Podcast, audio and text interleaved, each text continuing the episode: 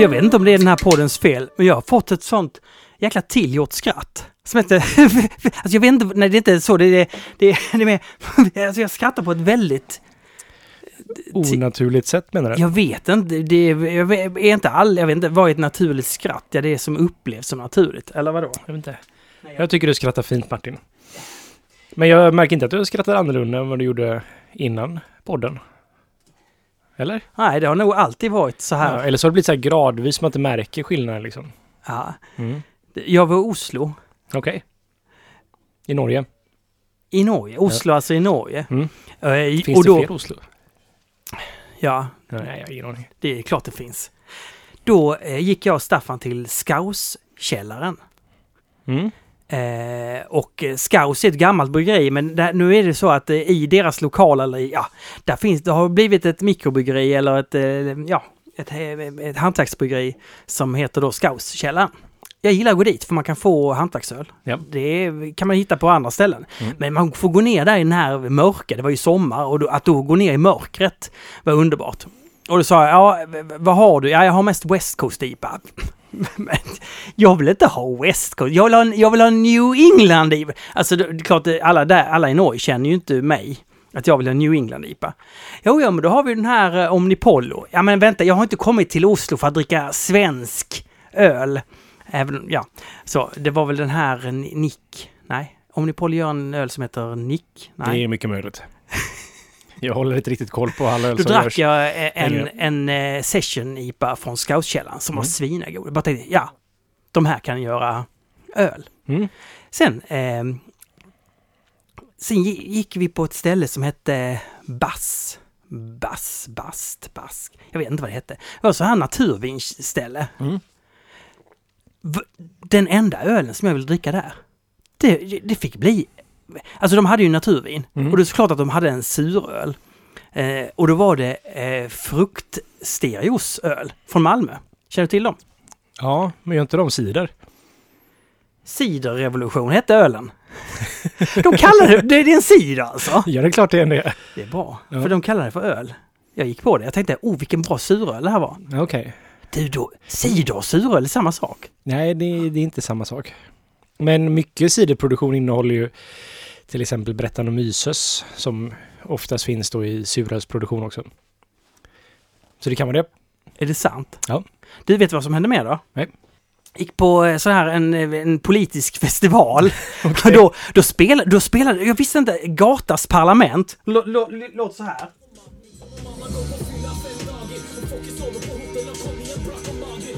Alltså, jag blir så jävla in så att nu kommer det komma en, eh, en singel. Kommer det till? Ja, det kommer en lögnen. Efter ett år eller ett och ett halvt. Det är väl mer än så tror jag. Ja, Eller? men jag, sk jag skrev det på bussen på vägen hem. Så Mm. bara satt jag där och diggade på Netbuss eller Ska, vad du ska du rappa på norska nu så att då? Nej, men jag, blev, alltså, jag lyssnade bara på norsk, norsk rap. Jag Ja. försökte lyssna på några av de här svenska. Mm. Så trist, så intetsägande. Ja. Men, Men norska är ju lite mer sjungande språk liksom. Det kanske funkar Ja. bättre med rap där. och skånska. Och, och skånska också, det är sant. Mm, Mm. ja.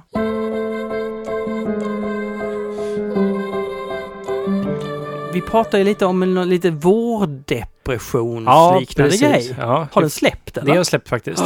Vad bra. Men det, det brukar vara i april, början på maj där. Sen så går det över. Ja. När det när det sådana här snabbt börjar bli helt plötsligt massa mer ljus Ja, ja, ja. så är det någonting, någon klocka i mig som säger att det här funkar inte riktigt. Så då, men jag blir ju pigg, jag blir manisk på hösten istället. Och, du, och din humleallergi? Eh, det är oförändrat skulle jag säga. Jag har inte riktigt... Du nyser fortfarande? Ja, Erika har tormlat mer än jag det senaste så att jag, jag har inte utsatts om man säger som så. Just det.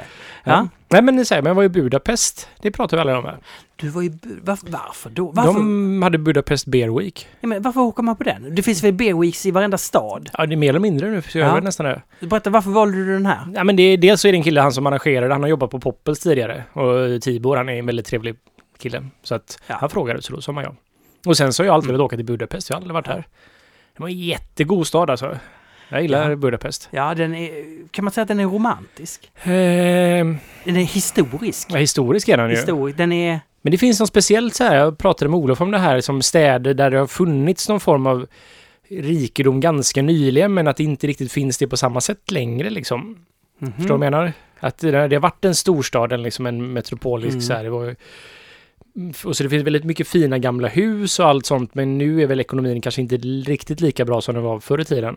Så det Mm. finns någon form av så här en bohemisk anda som gör dem spännande plus att det finns där, det händer mycket liksom. Man kan med små medel göra ganska mycket liksom. För priserna är inte lika höga och sådär. Mm. Men hur Det är, är som den, motsatsen till, till Stockholm på något sätt. Nej. hur är den ungerska ölscenen då? Eh, som, eh, jag försökte faktiskt, jag träffade, eh, det var mycket svenskar där nere faktiskt. Mm. Så att eh, jag hängde faktiskt med eh, Kattis och Masse från Haket. Mm. Så vi hade en liten ölprovning i deras Airbnb de hade hyrt. Med gammal, eller så här, inte gammal men eh, alltså ungersk öl då som de hade hittat. Mm. Eh, och det var trevligt. Men det var liksom lite mörkare lager och sådana saker och några så här craftbryggeri då. Men annars är det ju som det gör resten av Europa liksom. Det är liksom mycket frukt i ölen, lite syrligt och väldigt mycket humlebomber liksom. Det är som överallt. Och på Stibergs har en ungrare börjat i Ja, precis. Han är ju bra kompis med Tibor. Till exempel. Till exempel så, ja. Ja, det var... För han var, var hos oss och gjorde en intervju faktiskt. Men vi behövde ingen just då, precis Nej. efter vi hade anställt Eric. Peter. Peter, precis. Just. Så han... Ja, Tibor fixade intervjun för Mm. honom, helt enkelt. ser man. Ja. Men unga, alltså Budapest, jag kan... Det är tråkigt att det inte är en demokrati och så längre. Den lilla detaljen. Ja, det, det kände man också av lite grann. Serverade faktiskt öl till Kent Ekeroth och sådär. Han var där på festivalen. Oj, oj. Ja, Ja, men... Eh, jo, men... Ja, Eller... Eller jag vet inte, jag menar inte oj, oj, oj, utan ja. Det, ja han får Alltså- dricka öl. det får han göra. Och vadå, inte dem, det, är väl, det är väl en demokrati som är lite hårt hållen? Kan man inte säga så då? Ja, jag tror man brukar Har de säga... inga val? Jag, jag tror man inte klassar det som demokrati längre. Oj. Ja, jag, jag, jag ska inte svära, jag har inte sådär jättepåläsning det här. det... Vi chansar lite. Vi chansar lite grann bara. Nej, men, eh, men det var väldigt roligt. Jag hade en väldigt trevlig festival i alla fall. Så det var väldigt fint ställe de hade festivalen på och ja, det var ungrare, trevliga personer. Ja, men eh, har du blivit sugen på att göra någon collab med någon, något bryggeri? eller? Nej, just nu så är jag väldigt trött på collabs. Det är Mm. efter vi gjorde den här eh, Omnipoyoscope där det var liksom Mm. åtta bryggerier på vårt bryggeri och du skulle brygga bärs då. Så kände jag att nu väntar jag med collabs på ett tag. Det, här, liksom, det dränerar all min collab-energi som jag har för ett tag framöver. Ja, det, är- men är inte det Henoks grej att suga musten, all energi ur människor? Nej. Nej, kanske inte. Nej. Inte med, men han, han är duktig på att kräma ut smaker ur saker och ting i alla fall. Men det man ska göra i Budapest, det var jättetrevligt. Man kan gå på badhus mitt i natten. Ja. Det var fint. Så jag och eh, alla sönerna i Ritual Labs var på badhus från klockan 12 till 4 på natten. till Alla fredag. sönerna Ja. i Ritual Labs Mm. gick på badhus. ja, och jag då. Ja, gött. Eh, men ehm, på OO, Ja. är det bara business as usual eller? ja, lite så faktiskt. Just nu håller vi på att gå in i sommarperiod här nu, så nu blir det liksom Mm. mest nu blir det mest Narangi och pilsner faktiskt. Pivot. Mest Narangi och pi- Det är väl inte det sämsta. Om jag Nej. tänker så här några ölsorter som jag tycker ni ska göra så är det väl kanske de. Ja, alltså jag är jätteglad att få brygga de två. Nej Mm. men det, det, vi märker det nu. Vi gjorde planeringen här för de närmaste, eller ja, sommaren helt enkelt. För två månader och bara lite grovt och det var som att så här, men det var kändes som att det var pivot varannan och pivot, eller nej, narangi varannan. Och Pivot, hur mycket smörsmak har du? Smörkolasmak har du i den? Ingenting i tanken. Och då kan jag säga dig Ja. att Ringnes, Ja, de snålar inte med smörkolasmaken. Nej. alltså de har verkligen liksom toppat Precis. sin lager med ja. smörkolasmak. Undrar om det är liksom en mening eller om det bara blivit så. Norges bästa bryggeri, jag menar, det är klart det är meningen. Mm, ja, vi får, ja. Hur som helst. Ja, okej. Nej, så ni håller, okej, ni bara, mm, eh, ni, ni laddar inför sommaren att ni inte ska göra så mycket, ni ska bara göra det ni... Ja, det, blir, vi kommer, dels måste vi, vi ska ju lansera Pivot i eh, mm, vet det, eh, fasta sortimentet på Systembolaget i september. Men då behöver de ju ölen typ en månad innan det. så det är Mhm. augusti, ja, slut, början på augusti, slutet på juni, juli menar jag. Ja. Så att nu måste vi börja brygga Pivot i att den tar ungefär en månad på sig att göra. Har ni, eh, har, ni har ett utseende på den? Och så Ja, det har vi. Det har ni. Det, har- Eh, och det blir- det blir burk såklart. det blir burka. Eh, blir det 33 Det blir 33. Oj, ja det blir det. Blir det slim, sleek? Nej, jag tror inte på dem. Plus att det just nu så är det en, det är, det är en stor brist på slikburkar. Okej, Ja. är det där, det, det är passande att inte tro på dem, eller du tror inte på dem? Alltså jag gillar inte det. Jag tycker faktiskt inte slik är så snyggt. Jag gillar 44, de har en väldigt proportionerlig... Ja, men, Ja. Nej, jag, tycker faktiskt inte de är... De ser för höga och smala ut liksom. Mm. Där 44 tycker jag har någon... Det behöver Mm. närma sig en sån här golden ratio-grej. Golden 33 är inte snygga heller. De ser ut som... Jag vet inte, avhuggna burkar eller så Vad här. tycker du om 25orna då, som är, alltså, som är, som är lika breda som 33orna? Som Alltså de är ju nästan, de är lite gulliga på något sätt så här. Är, ja. ja. Ja, Pontus på Stigbergs pratar alltid om dem, att det är sådana vi borde göra. ja, men jag har hört en del bryggerier som eh, faktiskt funderar på dem till så Imperial Stout och sådär. Ja, Ja, ja. visst, varför inte? Nej, är det riktigt starka Ja, grejer alltså? Det är väl gött när man vill ha en klunk öl liksom.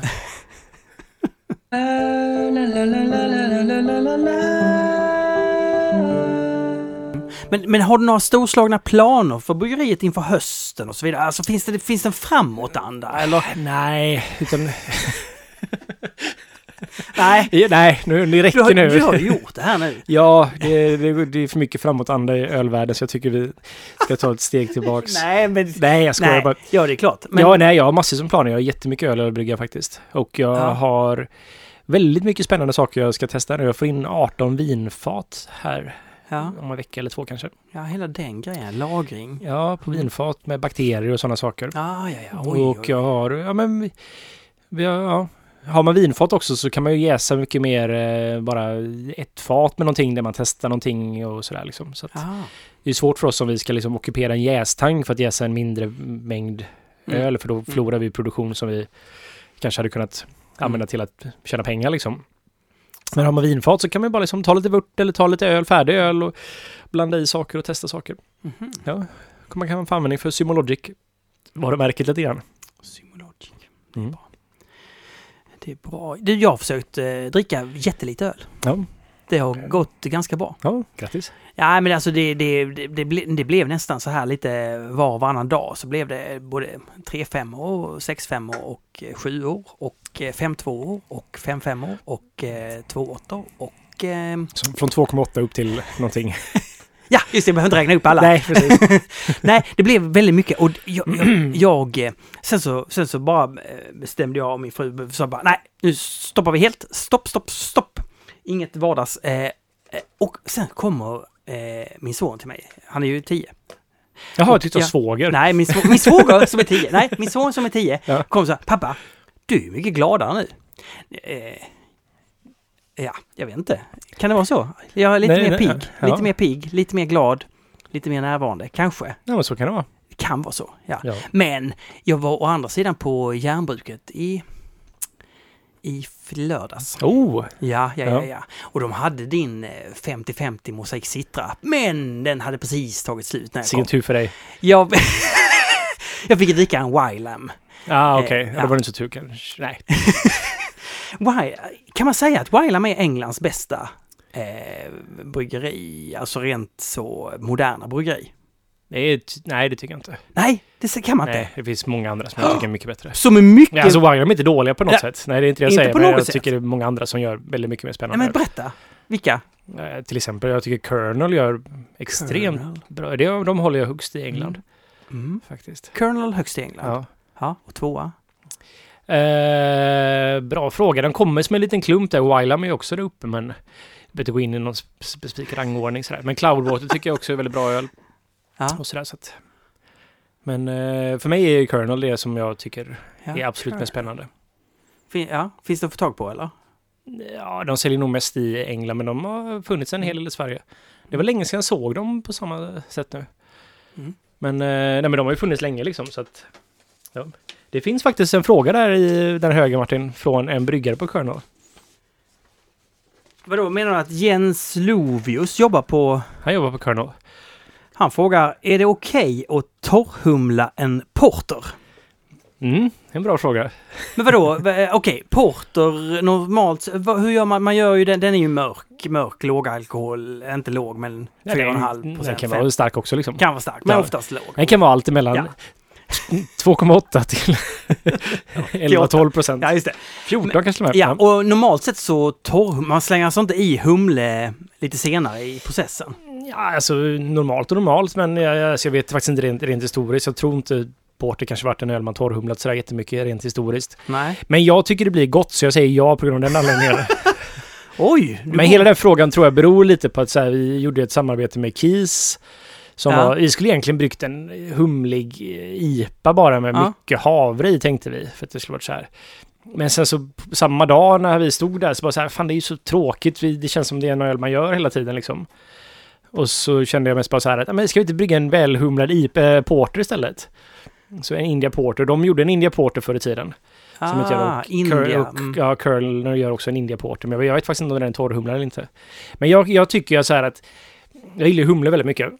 Och jag tycker att även om det inte är en traditionell bit så finns det en det moderna i att kunna faktiskt, om det gör nytta för ölstilen, Mm. eller ta den till på till en spännande håll som inte blir liksom helt malplacé så Nej, tycker man det kan torrhumla. gifter sig helt enkelt. Ja, precis.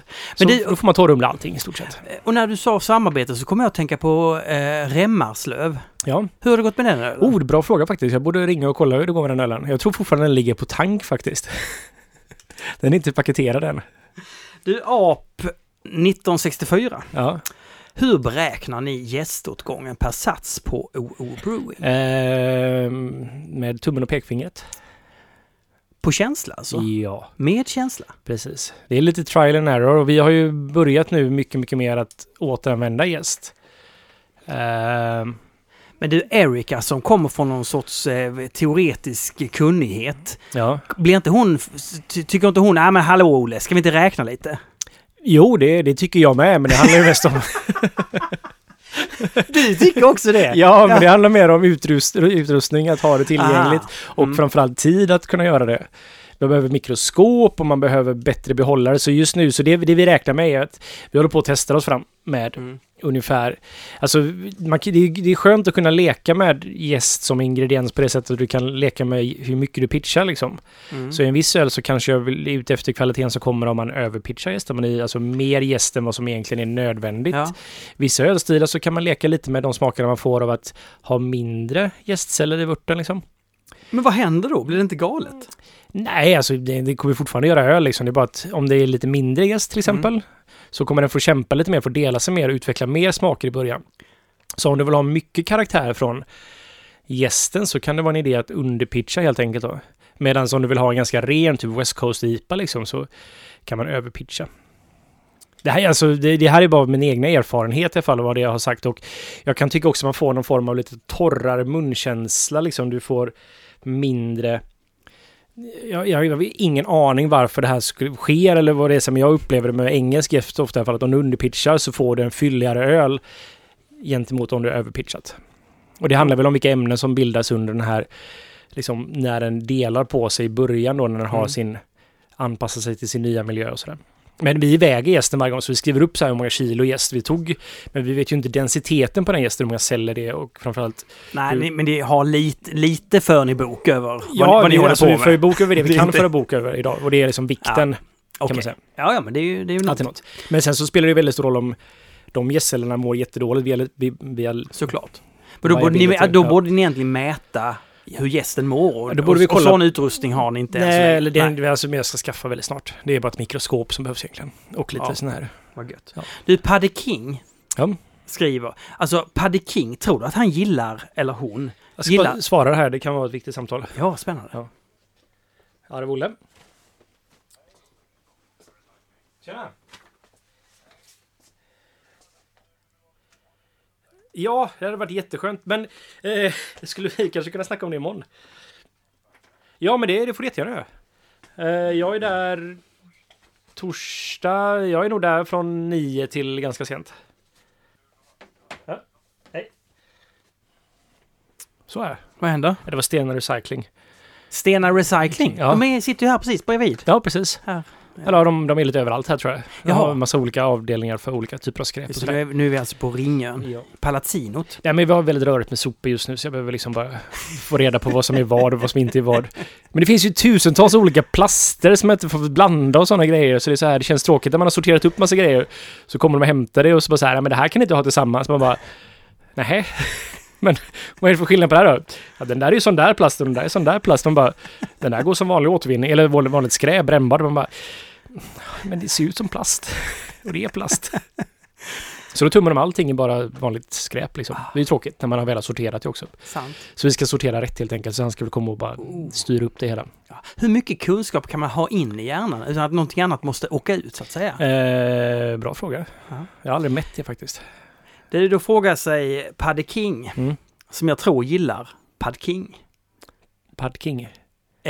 Hur syresätter är, vad, är det, vad är det för något? Det är ju på, alltså om du går till en thailändsk restaurang så finns det ju Pad King. Kan du Jaha, äta. Som Pad Thai fast Pad King? Ja. Ah, okej. Hur, Vad är det då? jag, vet- nej, jag, jag tar, väljer aldrig det. Nej, jag okej. väl, väljer aldrig, alltid Pad Bai Krapao. Den är god. Det är en av mina favoriter. Du har ju eh, thai-basilika, du har chili, Precis. du har massor med vitlök. Ja, det är gott. Alltså och så är det- ostronsås i det va? Ja, det är Ja. ostronsås. Mm. Och så lite hetta. Det är faktiskt min favorit tror jag Ja. när man går till en standard thai. Ta alltid det. Ja. Hur syresätter bryggerier vörten innan jäsningen? Mm, det kan man göra på olika sätt. Men det vanligaste är att man, man har ju plattvärmeväxlaren som kyler ner eh, vörten från Ett koktemp. element, Ja, men precis. plattvärmeväxeln, Ja, mm, kyler ner. Mm. precis. Så den liksom, man gör, tar in, kallvatten kommer in på ena sidan, Mm. het vört kommer in på ena sidan. Ja. På andra sidan kommer kall vört ut, eller 20 grader vört. Kallt möter varmt och det blandas och då får man mellantemperatur. Precis. Pumpar man på med det kalla så kommer man till slut ner till det kalla. Ja, precis. Ja. Mm. Helt enkelt. Så eh, efter det så har vi liksom en, eh, en eh, där vi kopplar på slangen då, som går till jästanken. Kopplar vi, har vi en, liksom en syresten helt enkelt. Som är liksom en, en stav som sitter där inne i mitten och så har den en perforerad yta så vi Ja. sprutar in ren syrgas i Ah. vörten. Men vissa använder luft, funkar också. Alltså liksom, det, vad kallar man det? Filtrerad luft och så den blir steril helt enkelt. Men Mhm. eh, ja, vi använder syrgas för att det är enklare. Syrgasstenen. Precis. Så det är, det är bara liksom i ledningen och så, eller i, i transfern till jästanken helt enkelt. Och det är väl så de flesta gör det. I någon... Det jag skulle vilja ha där är att jag skulle vilja ha någon form av flödesmätare så jag kunde se hur mycket syre jag faktiskt pumpar in i vörten för då kan man ungefär räkna ut hur mycket som har löst sig och sådär. Mm. Eller om man har också en syremätare så man kan lä läsa av hur mycket som har löst sig i vörten. För gästen behöver visst mängd syre och det finns liksom optimala värden för det. Och det är dumt att använda för mycket för det är bara slöseri med syrgas i det här fallet. Angolfill. Ja. När ni Anglofi- pratar om Anglofil eller angol. angolfil. Fil. Ja. Det kan ju vara så att anglofill var upptaget. Eller så har han dyslexi. Eller hon. Ja, hela hon. Angol, alltså Angela. Ja. Eller Angberta. När ni pratar om vilken öl som passar till tacos, hur ofta pratar vi om det? Ibland. Ja. Eh, menar ni då vanliga svennetacos eller ambitiös hipster-tacos? Jag skulle säga svennetacos. va? Eh, ja, alltså eh, det ambitiösa är ju att man, att man matar ihop sakerna själv eh, och har lite extra såser och lite absolut svenne. Ja. Det är ju supergott va? Men jag menar det. Ja, Jag- jag, menar, jag menar också det. Jag gillar ju crunchen Mm. från skalen som är väldigt hatat idag. Alla ska ha det, ha det här mjuka. Ja, Alla, det är precis som att alla har pensionärskäftar. Det ska vara lätt att tugga. Nej, jag vill att cruncha, kanske sticka till lite i Precis, ja. kinden. Av, Jag provade första gången ganska nyligen de här små, ehm, ja men som, jag tror det hette tacosbåtar lite, eller tacoskalbåtar. Det var ju jättesmidigt, men det var som en liten minitaco på något sätt. Det var som en sån här liten, ja, snitt det- fast. och när man äter den Kan man här tro man typen kan av... få det på middag sen för de går runt med Det- en bricka med små Absolut. tacobåtar Ja, liksom. och det fina är ju att det trillar lite. Alltid när man äter. Trillar Mm. ner lite. Alltså jag kan gilla det samspelet mellan lite kaos och lite ätande. Precis, och jag gillar att man samlar upp, man har en tallrik under liksom. Ja, ja, ja. så samlar man upp allting så får man Ja. en form av så här... Åh, ja. En eftertackor. Min flickvän har en teknik, så här, men hon, hon gillar ju tortilla då, men så här att... Så hon har ju det under liksom, och så har hon alltid ett bröd. Hon tar två bröd åt gången. Så det finns ett alltid under, så det hon spiller hamnar. Nej! Oj, men det är nästan lite sjukt alltså. Ja, Bara det är nästan. smart. Är Kullan och Paugen Ja. har vi ju haft med förr här. Va? Det har vi haft. Är wheat wine, rye wine och så vidare en naturlig utveckling av barley wine eller en gimmick? Då måste vi fråga oss först. Barley wine, det har vi gått igenom några gånger nu. Mm. Till och med jag förstår nästan vad det är. Ja. Men vad är... Ja, wheat wine är bara då, det, det är liksom gjort med... Istället för korn, ö, kornvin då, Ja. så är det vetevin man Ja, använder. ja, ja, Vete och så rågvin då. precis. Ja. Ja. Eh, Barley wine har ju en lång historia. Jag tror dock att wheat wine och rye wine då är Mm. en, alltså en amerikansk liksom så här hembryggar uppfinning liksom. Mm. Att det inte finns någon så här att historiskt att man använt vete och råg på det sättet liksom. Ja, ja, ja. Så jag tror det är mest en, bara en variant av barley wine som är modern som dök upp i USA under liksom hantverksrevolutionen. Som en, ja men det är så här bara en variant liksom. Veteöl, är, eller eh, wheat wine är faktiskt jättegott tycker jag. Ah. Det behöver tid på sig för det kan bli väldigt Alltså det kan nästan få fram lite fenoliska karaktärer i gästen och så här, det kan bli väldigt stickigt. Men med tid så blir det jättegott tycker jag. Jättegott. Jag vet faktiskt att jag aldrig har provat en rye wine. Om man ska veta det. Nej, men du, du, du, får något nyfiket i blicken. Ja, men... Ja. Jag faktiskt, jag, jag är inte så förtjust i råg. Förutom i saisons kanske man kan ha lite grann och... Men en rye wine tycker jag låter väldigt spännande. Tänk att ha det på så här rye whisky bourbonfat liksom. Eller det kan inte vara rye whisky bourbonfat men rye whiskyfat helt enkelt. Ja. Ja. Det, Det här fick jag faktiskt en idé nu. ja. Ja. ja, det är bra. Mm. Det, det här är en sån tråkig fråga. Alltså Erik Sundqvist, ska du skicka sådana här frågor? Nej, det är klart du ska, för det här är nördigt va? Det är en vattenfråga. Du har inte kryssat för den, ska vi få inte ta den eller? Jo, eh, jag, skulle, jag tyckte alla frågorna var bra så vi, jag, jag glömde säga det men jag tyckte alla frågorna var bra så ta allting. Erik förlåt, det här är inte alls en dålig fråga, det är en jättebra fråga. Eh, men om jag zonar ut, då, då är det upp till mig. Det, det ligger på mig, så att säga. Det ligger inte på... Åh, vilken fin grön tröja du har. Tack så mycket. Ja, jag, vet du, jag, jag tycker jag vill ta, ta en bild på dig till det här avsnittet bara. Ja, men det kan man göra. Ja. Den fick jag av min kompis Ami för över tio år sedan och Wow. wow. den har hon köpt på någon form av second hand för ytterligare fem år sedan så den är supergammal. En gammal Ralph Lauren-tröja. Jag hittade den i garderoben faktiskt. Det var så här, det här är ju den tröjan. trodde jag var... Eller en sån grej man har glömt av att man har. Eh, Erik Sundqvist, Mm. han har skickat öl till oss va, tidigare. Det tror jag. En liten vattenfråga till Olle. Idag vattenbehandlar jag bara när jag gör IPA och bara med kalciumsulfat och kalciumklorid så att jag hamnar på cirka 100 milligram per liter. Ja. Och då är det alltså kommunalt Göteborgsvatten. Yes. Vad rekommenderas för vattenbehandling till en lager, låt oss säga till exempel ett oktoberöl? Eh, ja, alltså här kan man ju... ehm, det viktigaste i en lageröl skulle jag fortfarande säga vara att man träffar ett mäsk-pH, liksom att man hamnar på, ja men säg 5,2 då i mäsken helt enkelt. Mm. Då kommer pH ändå hänga med ganska bra. Ehm, jag har faktiskt prov, jag har provat lite olika här med de pilsner jag gör. Och de humligare så brukar jag ändå ha, där har jag, för att det klassiska vattnet för en pilsner som finns i staden Pilsen är ju supermjukt vatten. Mm. Och det var liksom rent historiskt sett en av anledningarna till att man kunde brygga pilsner där. Mm. För att det var så mjukt. Medan i England då så var det hårt vatten, där brygger man mörköl. Och det har med att det naturliga pH i mäsken då blir bra helt enkelt. Mhm. Men idag när man kan liksom tillsätta då lite ja, mjölksyra eller fosforsyra eller vad man nu använder för att sänka pH så kan man ju använda en bredare variant av vatten för även pilsner och IPA och sådana saker.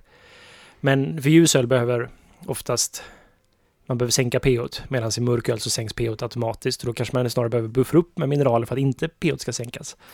Ah, så att eh, just det här oktoberölet behöver man nog inte göra så mycket. Nej, jag skulle säga att man skulle nog kunna, bara så länge han har i mjölksyra för att träffa pH rätt så skulle det nog funka rätt bra. Han, alltså, eh, de kan ju ha lite humle, de har ju lite både maltigt och humligt på samma gång. Liksom. Mjölksyra? Vad, vad, vad, är, vad pratar, är, är det laktos eller? Nej, Nej? laktos är mjölksocker. Så mjölksyra är alltså väldigt koncentrerad. Jag använder 80% i mjölksyra så det är väldigt koncentrerad. Mm. Det är ju det som all sur öl är ju mjölksyra. Som har Mm. bildats av gästerna liksom. Ja, det. Så det här är ju bara att man har odlat upp gäster.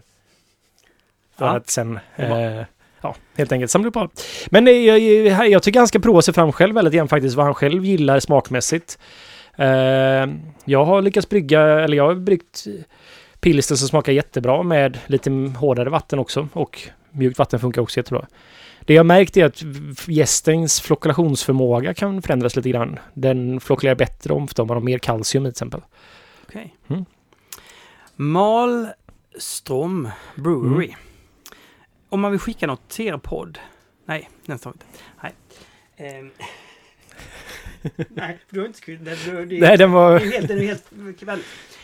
Eh, jo, Wood den Pickle Brewing. Mm. Brewing. Top mashing eller cold steeping. Stepping ska det vara va? Mm, ja, Eller steeping. Stepping. steeping. Steeping. Av rostad malt vid stoutbryggning. Mm. Är det någonting kommersiella bryggerier håller på med eller är det bara hembryggare som gör det? Varje gång jag frågar en hembryggare hur jag ska förbättra mina stouts så får jag någon av dessa två metoder som svar. Är det så eller är det samma som att minska på mängden rostad malt och mäska vanligt? I, alltså det här var en väldigt bra fråga faktiskt. För att det, är, det här är ju då tekniken att man eh, under... Om man, eh, om man gör mörk öl. Mörköl? Så, så kanske man, om man använder den här tekniken, om man tillsätter de rostade maltsorterna, Mm. eller korn då, rostat korn finns ju också, som eh, lite senare helt enkelt. Och det är när man lakar. Så då kan Ja. man mäska med basmalten och de ljusa maltsorterna. Ja. Och sen så på toppen av det så lägger man på de mörka och så har man det bara där under lakningen vilket ska innebära då att man får ut mindre tanniner och vad ska man säga, elaka smaker av den rostade malten för att göra den lite mjukare. Du får fortfarande färgen men mindre. Jag som hembryggare provade detta och märkte faktiskt ingen större skillnad så jag slutade göra det. För att jag faktiskt inte tyckte Jaha. att det var, blev någon jätteskillnad på det hela. Nej. Eh, plus att jag gillar det rostade också på något sätt så här. Så att det är... mm, Men jag vet eh, kommersiella bryggerier som gör precis det här och jag övervägde att göra det i en öl här för ett tag sedan faktiskt. Men jag gjorde aldrig. Aha, så det sker visst det, Det sker, i... ja. Ja. Jaha, Jag, men vet, jag vet inte hur utbrett det är men jag har pratat med bryggerier som gör det. frågan här på slutet då. Är det så eller är det samma som att minska på mängden rostad malt och mäska vanligt? Ehm, eh, alltså... Nej, det skulle ju- alltså jag, jag, jag, min teori i det här är att jag tror inte det påverkar så jättemycket liksom. Det, det. Ja, just det. Okej. Utan det, det är liksom, om man vill minska det rostade så tror jag man skulle köra på typ till exempel eh, rostat vete. Har inget skal, då får man ut mindre av de här elaka smakerna. Samma sak med liksom Carafa special som också är den här där man har skavt av en bit av skalet helt enkelt. Då, då kan man få ner det rostade fast ändå mycket färg. Om man vill göra lite snällare helt enkelt. Gött. Ja. Fredrik i Ramsvik. Ja. Jag undrar var han bor.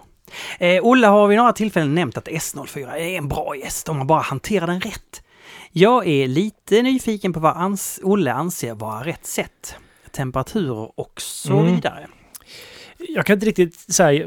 Jag har ju använt S04 jättemycket. Jag har Ja. Vi har ju faktiskt bytt eh, vår hus-ale-gäst nu från S04 till en annan gäst. Som är flytande. Ja. Eh, jag håller på, fortfarande på att utvärdera det faktiskt. Okej, men om vi tar Men- eh, S04. Men S04 är en väldigt bra brittisk gäst om man är ute efter Mm. en brittisk karaktär med Mm. esterprofilen och sådär. Ja. Men den har... Den, den producerar lätt diacetyl. Vilket Ah. till exempel i New England-IPA är det mest vidriga som finns tycker jag. Mm. Och det är en anledning till att jag slutar använda S04 nu här är att även om vi för det mesta lyckades undvika diacetyl Mm. så hände det då och då trots att vi gjorde, vi gjorde Ja. i princip samma sätt som vi alltid gjort liksom. Så att jag känner mest bara att den var lite ostabil på det sättet.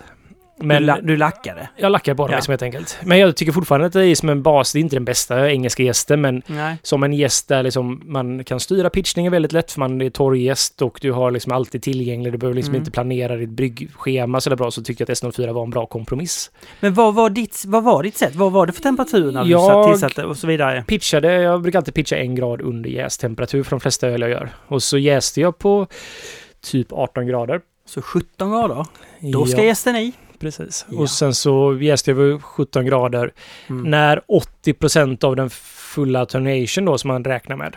Turnation? Ja. Atternation? Det blir, nej, men nu, Att den nu, har nu förvirrar du mig Martin. Attenuation heter det. attenuation. Precis, alltså så om du har 100% att- attenuation, jäsbarhet helt enkelt. Jäsbarhet, okej den har jäst ut till 80 procent. Precis, som, 20, men ja. man brukar säga så här att om man, om man Mm, når mm. 100% då har du jäst Mm. allt socker i ölen. Men ofta så har du en 20% socker som kanske inte är för jäsbara sockerarter så de är ju kvar. Mm. Så man når 80% kanske Ja. någonstans där. 70-80% är ganska vanligt. Mm. Eh, så när man har nått 80% av den vad man förväntade förjäsbarheten är så Mm. brukade jag höja temperaturen Mm. till, låta den jäsa ut på 22 grader. Det här är standardpraxis för eh, eljäster helt enkelt. Och det är för att då dels öka utjäsningen och se till att den blir helt klar då lite snabbare. Plus då att man eh, gör en diacetylrast då, eller VDK-rast, för att få bort diacetylen. Helt enkelt. Men jag upplevde ganska ofta att tyvärr så fanns den kvar och speciellt när man torrhumlar så kan det ske en liten efterjäsning och då var det svårt att kontrollera diacetylen efter det, till exempel. Mm. Och ja, det får man tänka på. Tobias Hjelm undrar, när Olle utvecklar recept, gör han dem först i mindre skala då som han sen skalar upp? Och om han skalar upp eller ner recept, vad ska man tänka på? Ta den frågan en gång till. Eh, gör du, när, när du utvecklar ett recept, Ja. gör du dem i mindre skala? Gör du receptet i mindre skala? Som Nej. du sen skalar upp? Men det här har vi nog pratat om tidigare, men jag har inget testbryggverk. Nej, det har du inte. nej, Utan jag brygger på stor skala direkt. Men jag är inte sådär vansinnigt experimentell när det kommer till många ölen. Jag, ja men liksom så här, jag kan ha... Om jag har en idé med en öl så kanske jag inte går hela vägen från början, men att jag börjar någonstans där jag känner mig ganska safe. Och sen kan man liksom lägga till eller ta ifrån saker beroende på att man vill ta det i den riktningen liksom. Jag låter ölen iterera under tiden liksom. Det är ju fortfarande det är väldigt få öl. Narangi är ganska fast, men det händer att jag ändrar lite små saker där också. Så att man får se det långsiktigt som att... Det, är, alltså det beror på vilket mål man har som bryggare. Jag vill gärna göra öl om och om igen och göra dem bättre hela tiden. Men som hembryggare så kanske man är mer intresserad av att bara göra testa nya öl hela tiden. Ja, för då har du svarat lite på Mikael Walls eh, fråga. Alltså, han frågar om du brygger mindre batcher. Nej, det Nej. gör du inte. Ehm, och du går, alltså, han frågar, går du på känsla och brygger varje batch i full volym? Ja, Ja, ja. känsla och känsla det är ju någon form av... Man har ju, jag har ju bryggt 800 batcher öl kanske Mm. som kommersiell bryggare. Men eh, Mikael Wall undrar också... Man, man får någon viss intuition, vissa grejer som funkar upp och inte. Jo, men då, då, han undrar, hur gör du för att utvärdera olika variabler i dina öl? Eller vad, jag förstår, eh, ja. Ja, alltså...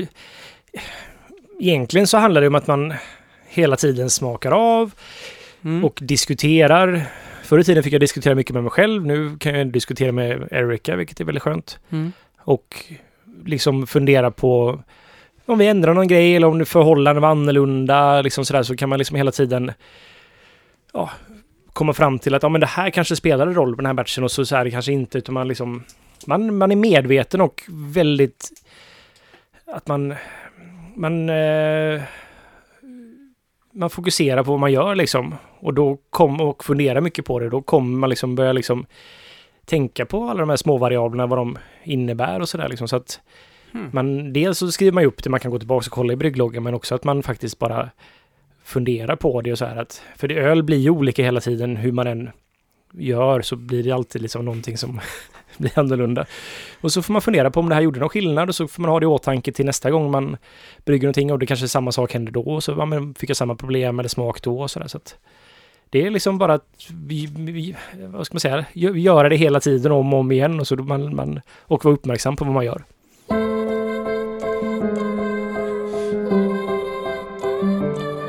Fredrik Gustafsson eh, var i Köpenhamn. Ja. Gick på eh, någon liten matbutik Mm. eh, och hittade några Westfleteren 12, 8 och blond längst in. Ja. Han köpte dem, trots, de var, trots att de var svindyra. Eh, Jag skulle gissa att det här är kiosk han var på. Jag tror inte han var på matbutik. Eller vad sa du förresten? ja, han skriver kiosk, matbutik. Ja, Okej, ja, men det, den heter nog kiosk tror jag. Ja, och kiosk är väl en ölleverantör, öldistributör. Ja, Öl... eller precis. De har ett eh, importbolag också. ja, ja, just det. Så det Eh, kanske de till och med Stiberg säljer till faktiskt. Men, Ja. eh, men han undrar ju då liksom, eh, hallå, den här ölen får man väl inte... Hur får man tag på den och kan sälja den? Ett sätt att få tag på den är att ringa klostret tusentals gånger och så Ja. till slut de svarar och så kan man får man lov att komma och hämta upp då på klostret. Ligger det nere i Vleteren i, i vad blir det, västra Belgien. Mm.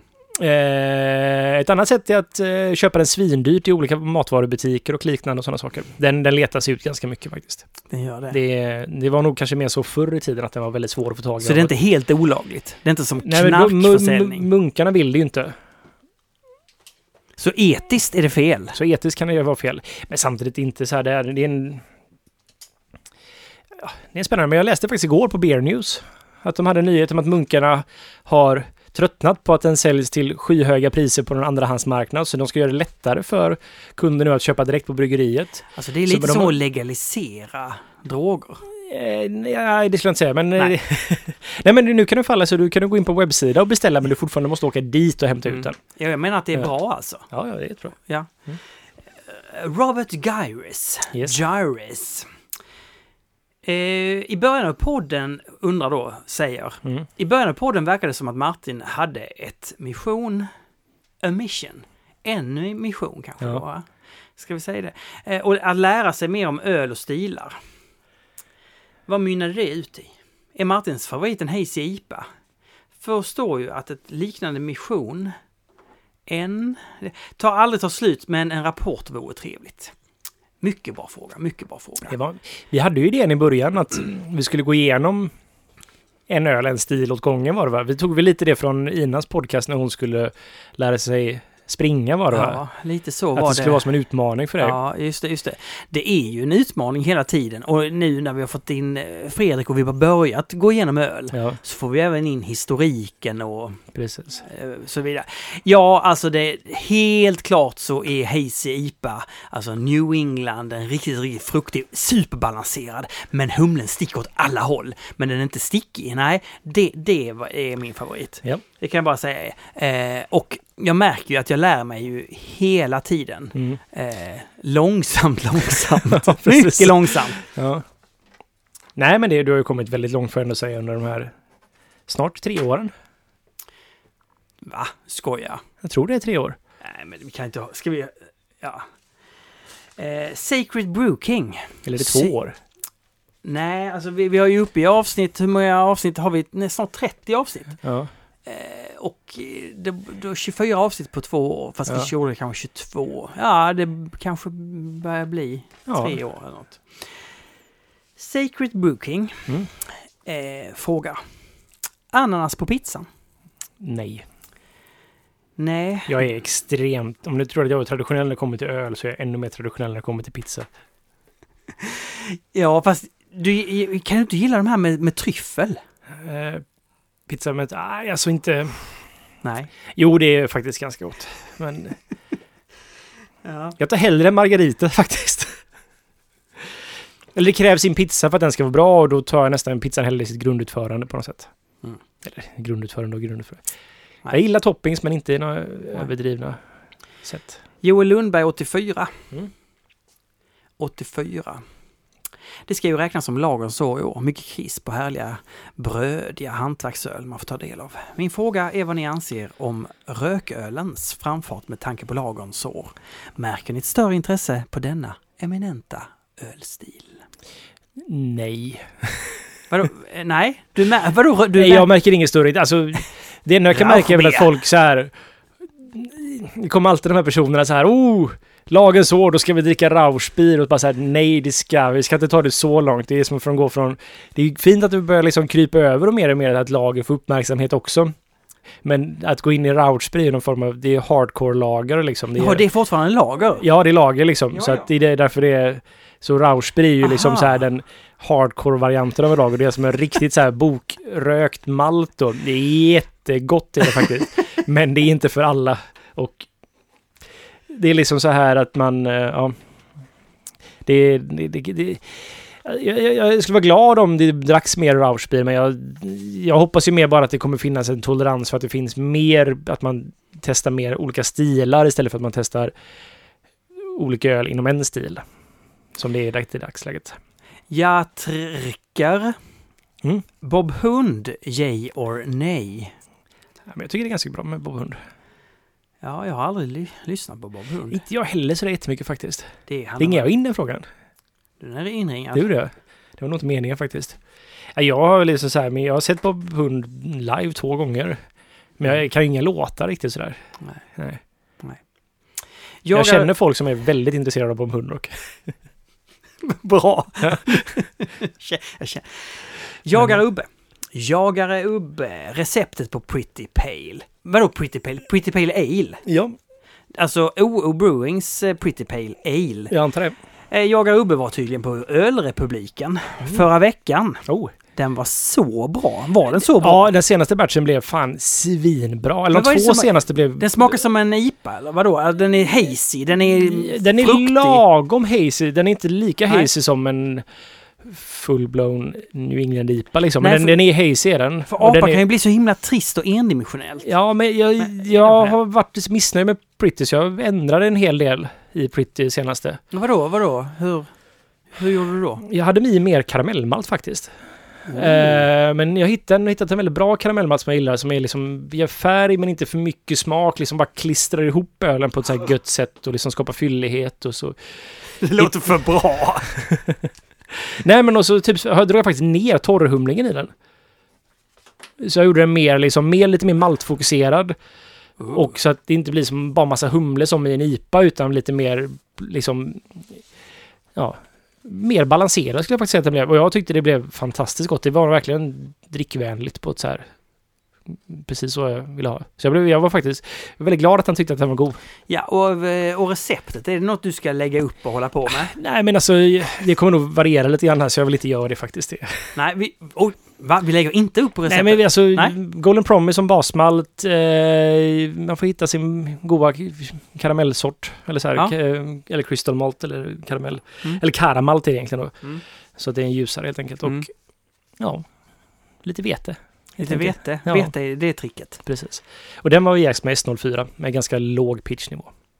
Nu har du sagt halva receptet i Ja. alla fall. Vi kan, vi, vi kan nöja oss där. Oj.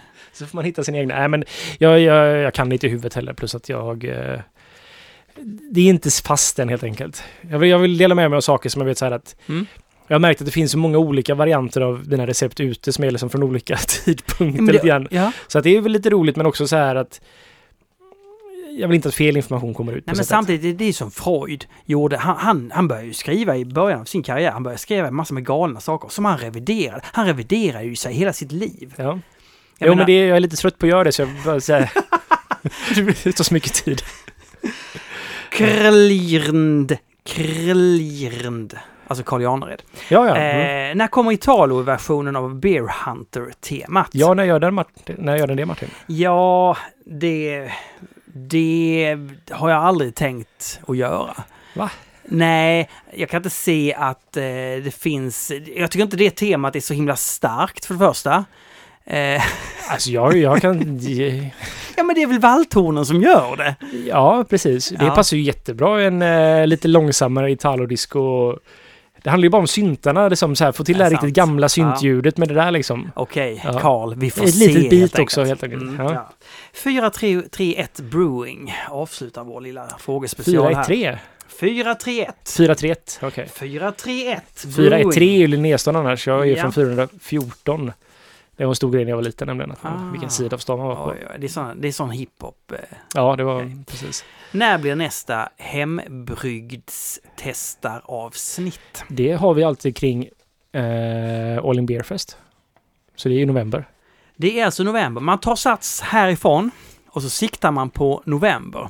Den här gången så har vi bestämt att vi ska göra detta på ett mycket bra sätt. Mm.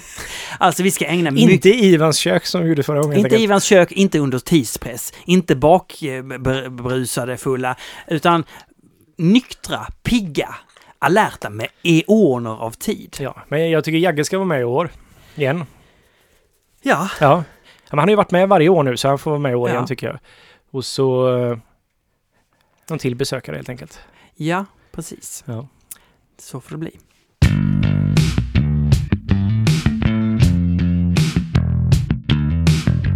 Alltså det här är ju intressant ändå, Olle. Ja. För Eller? var klo- Nej men alltså, när är vi som bäst? Eh, du säger på morgonen. Ja. Jag vet inte om det stämmer. Men vi får ju se för det här är första gången vi spelar in inte på morgonen.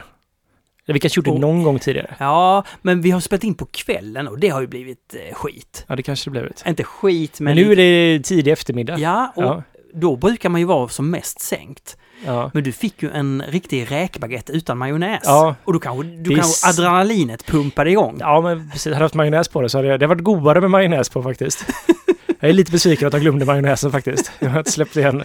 Men eh, jo, det var, det var bra energi Jo, men jag faktiskt. tänker att rädsla och aggression är det som får oss pigga, för vi Mm. behöver vara pigga. Är vi nöjda, Ja. då vill man ju gå och lägga sig och sova. Då är man inte pigg. Ja, men så är det faktiskt. Mm. Ja. Så det det jag tänker också att kör man på morgonen, då är man ju uppe och ska attackera dagen. På Ja. kvällen, då är man ju färdig med dagen. Man har inget Alltså att... för mig är det bara 100% kaffe på morgonen som gäller, för jag är inte alls på det sättet liksom. Vi borde spela in klockan 10 på kvällen. Det är då Ja. jag, det är där jag piggnar till. Där kommer jag in i min liksom så här... Där är jag igång liksom. Mm. Tycker det är fint. Ska vi göra fler avsnitt i eh, sommar förresten? Ja, men det ska vi komma göra. Vi ska bara göra Eller kommer avsnitt. du ha semester och sånt där? Nej, eller ja, men, men det här är väl inte jobb, eller? Nej. Ja. Ja, men det ska vi, då, då, då tycker jag vi hämtar Fredrik. ja, precis. Ja. Vi brukar alltid spela in med Fredrik innan också vi spelar in. Ja, men det här, jag tror det här är guld. Det här är guldgrejen att Ja. göra det här. Men vi får ju... Vi kan ju inte tacka Ina den gången för du ska klippa avsnittet för Ina är på semester. Ja, alltså- vi kan tacka Ina i alla fall. Men det är tur att vi har varit så oerhört tajta Ja, redan. Det är superlättklippt va? ja, ja, men bra. Och så gå med i Ölfrämjandet och... Ja, men kan, det, nej, det säger, det, vi måste säga det på slutet. Jaha, okej. ska du säga? Nej, okej. Nej, vi säger det sen när Fredrik är med. Ja, det är klart. Ja. För att det här kommer att vara inleda. Ja, men jag, alltså, jag, jag är ju så rutinmänniska Martin. Det här blir jättekonstigt för mig när Fredrik kommer in nu efter allting liksom. Jo, men samtidigt, vi skakar om. Ja, Hjärnan får jobba, det händer någonting nytt. ja. Så ska hela livet vara. En pärl gjord av la, la.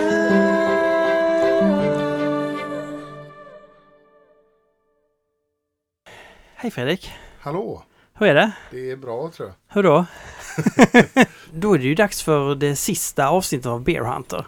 Ja, Mm. Det är ju, det är ju därför du är med här Fredrik. just det. För att du ska re, reda ut allting. Exakt. Men, det är, men jag har ju vant mig lite grann vid att du är här. Ja. ja. ja, det känns som att jag varit med några gånger nu. Känns bra. Det är sjätte gången. Sen sparkas jag ut.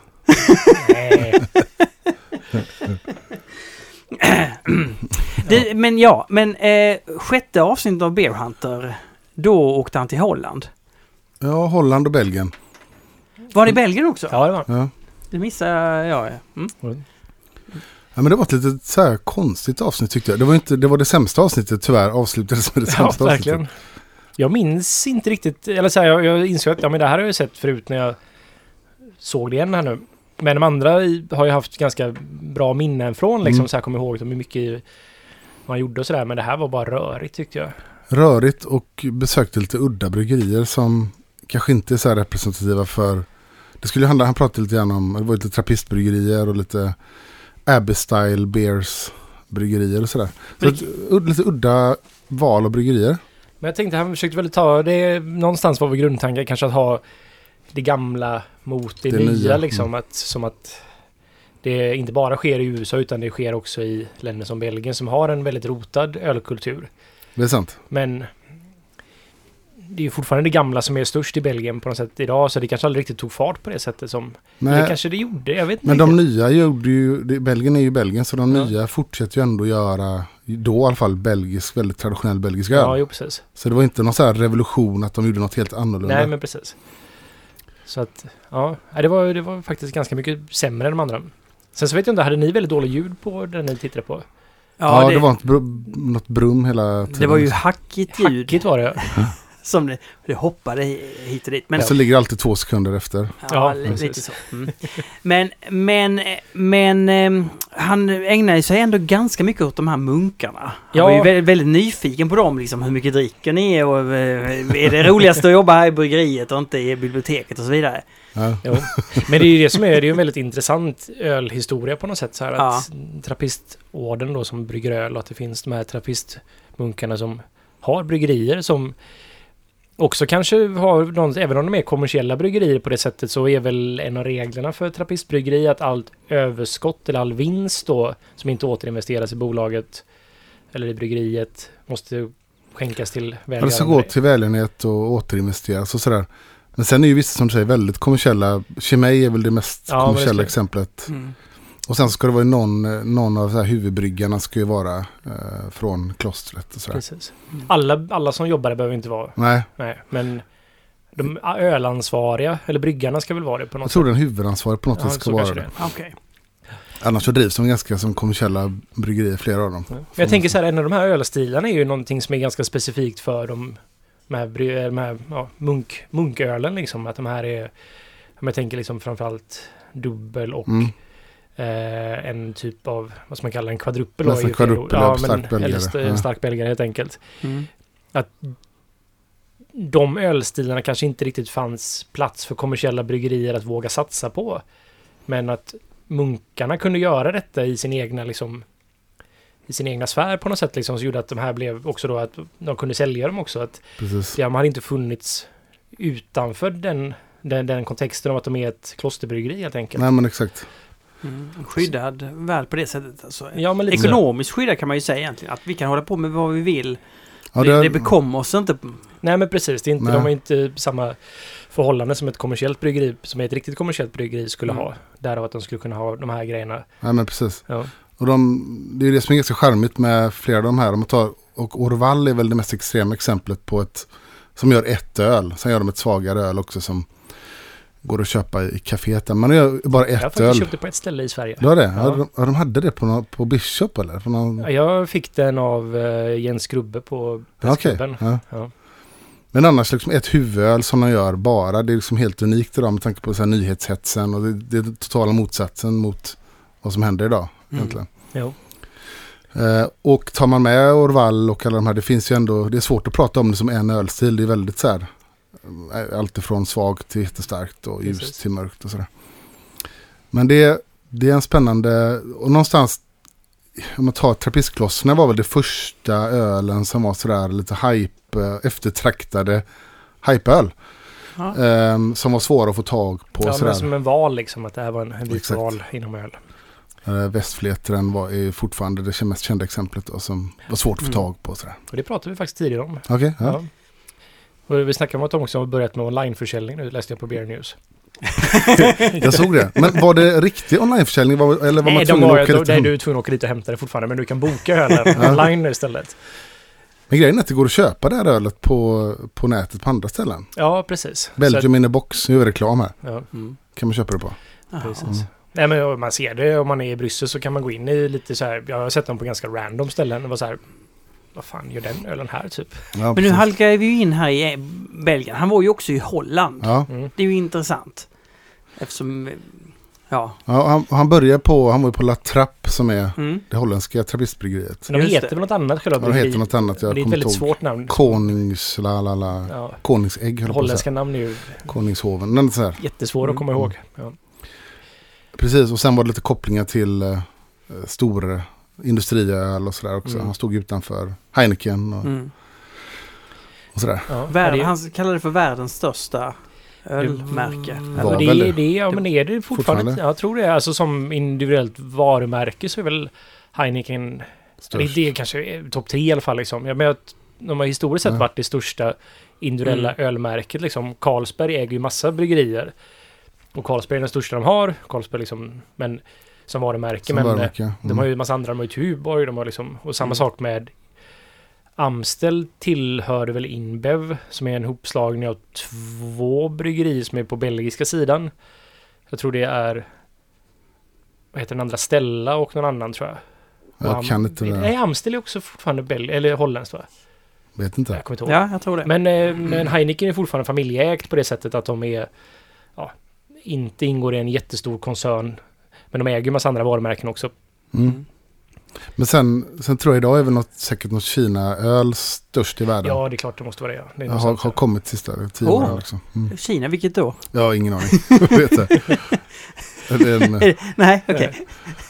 en, liksom, ja, ingen aning. Jag kan mer om nordkoreansk öl av någon anledning än jag kan om kinesisk öl faktiskt.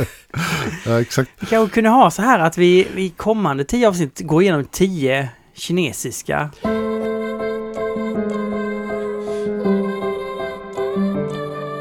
Så det som jag tycker personligen är kul med trappistölen var där började ju mitt ölintresse när jag läste om eh, Chimay och Mm. eh, Orval och sådär. Mm. Jag kommer ihåg det liksom idag, än idag, hur vad jag var i mitt kök när jag Ja. läste om det och provade ölen. Det var så här riktigt sånt första moment som eller så här, Mm. jag verkligen minns. De är ju, jag uppskattar de ölen för att de är väldigt tydliga i sin smak. Att Mm. det här är annorlunda på något sätt. Så här. Mm. Och jag tror det är, finns då i den här kontexten att de varit ja, avskärmade lite grann på det sättet att de inte behövt bry sig om de kommersiella aspekterna på samma sätt. Så att de har Mm. kunnat få göra en viss typ av öl som annars kanske hade försvunnit. Men de har fått... Och då finns det en viss mystik kring dem också. Som också hjälper till att faktiskt Ja. göra dem populära. Och jag minns ju mest bara att jag kommer ihåg när jag drack de här liksom belgiska mörka starka öl var ju så här att herregud vad gott det här är. Mm. Och jag var helt så här. Det här är ju så distinkt annorlunda från Mm. allt annat jag Allt provat. annat Ja. ja. Man hade ju aldrig provat något liknande. Nej. Det minns jag också. Jag hade druckit porter och engelsk öl och sådär, men det var hög alkohol, det var liksom en kryddighet och en estrighet och så en fruktighet från gästen som var så här, och så hög kolsyra, så det var liksom sött och torrt på samma gång. Det var så här, det var verkligen, ja, mindblowing på den tiden. Ja, precis. Den mystiken börjar försvinna lite nu för att trappistöl blev så populärt för, ja, började bli så populärt nu med ölvågen att, att det startade upp trappistkloster på andra ställen i världen. Ett Mm. i USA, ett i Ah, ja. England, i Österrike. Italien, Österrike. Ja. Eh, Så det blev lite, man fick lite känsla av att nu försöker man mjölka ur det här lite det här liksom, eh, varumärket. Så att jag tror till och med trappistklossret i, i USA började göra så här imp stout och jag vet inte om de gjorde till och med hejsipa eller så här. Man, man, vill, man vill inte att eh, trappistmunkar gör hejsipa, det är bara så. Nej, det...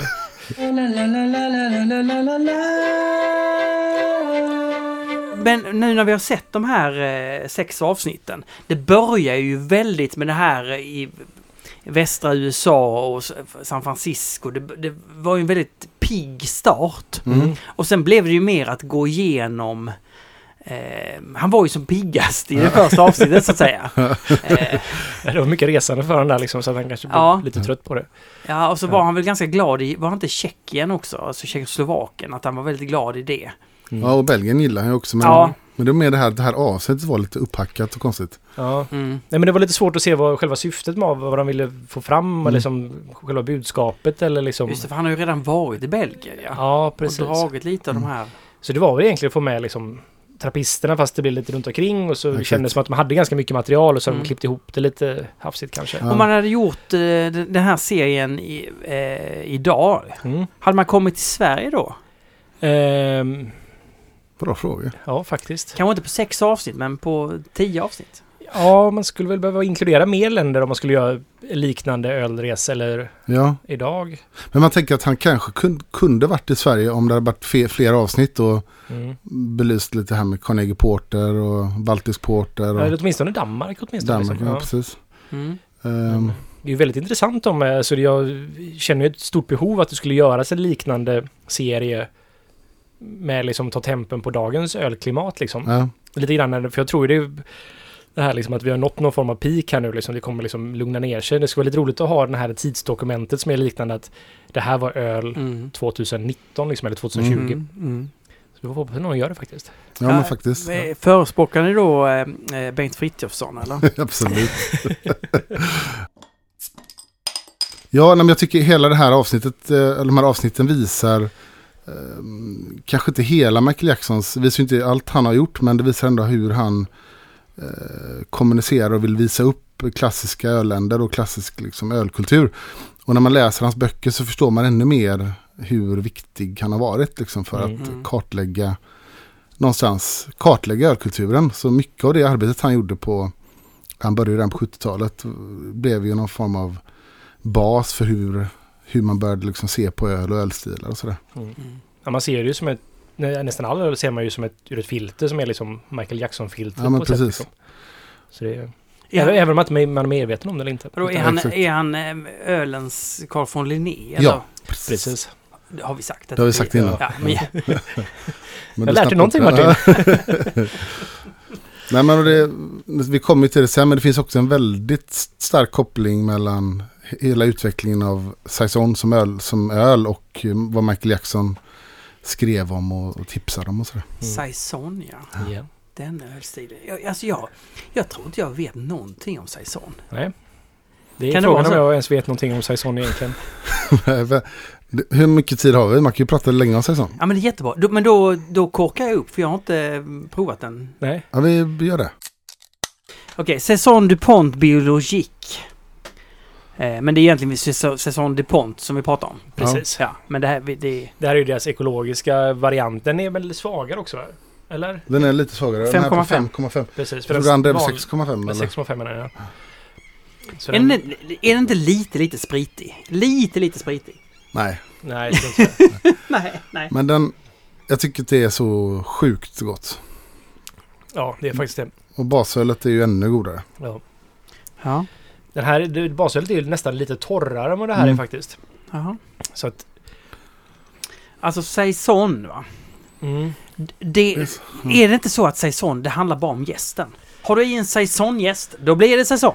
Ja, vi kan komma till det sen, men det är ju, någonstans är ju kärnan tycker jag är jäsningen i säsong. Men Mm. det här, säsong är ett väldigt svårt och stort ämne, man kan prata om det. Och det är väldigt, som Olle sa förut, så är det väldigt så här personligt Mm.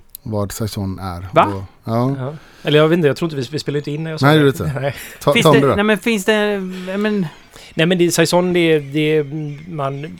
Alltså jag vet inte vad jag ska börja med i sånt. Det är som ett så stort ämne att tackla och det finns så många ingångsvinklar. Det är för att jag har ju min egna tolkning av Saison och när vi pratade om Saison någon gång tidigare i Ölpölen så var det ju väldigt mycket för utifrån vad jag tolkar Saison från.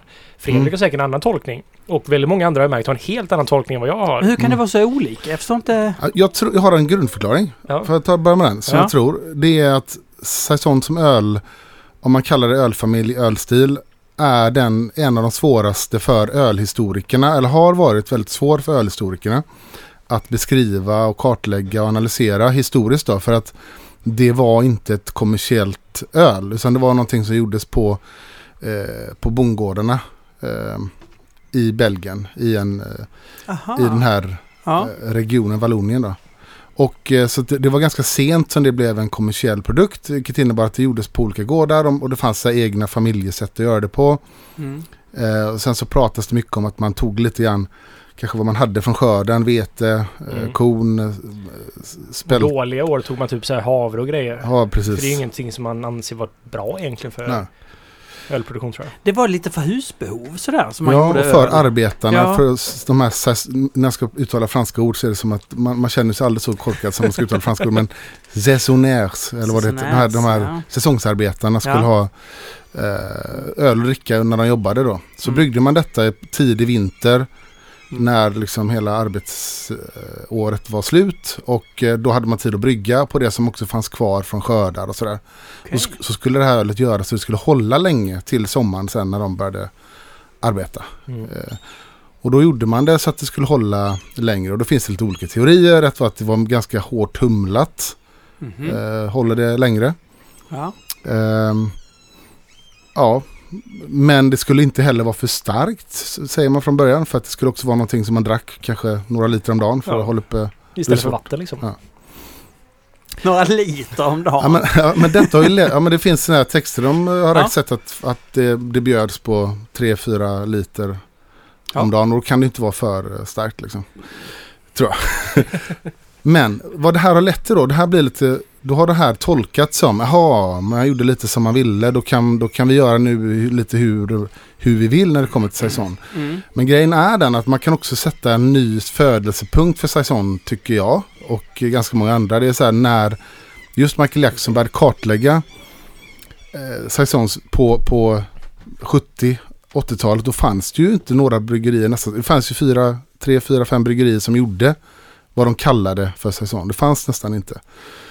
Eh, och det var bara i den här regionen i Belgien. Och vilka, det var ju DuPont. Vilka var det med på den tiden? Eh, jag kommer inte ihåg vad de heter men de här, de, de här silly, silly säsong och den här, Just det ja. ni- Eh, jag kan inte uttala det. nej. Det finns ju... Pip, Pipaux, eller något sånt här, ett bryggeri. Ah, skitsamma. Det Men, blir en ny definition. Alltså, nej men då var det ju ett, och det, det som blev, det var som en starten, nystart av säsong. Och det som är lite intressant, som vi pratade om förra gången, om du minns när vi pratade om eh, eh, surölet vi drack, eh, Rodenbach.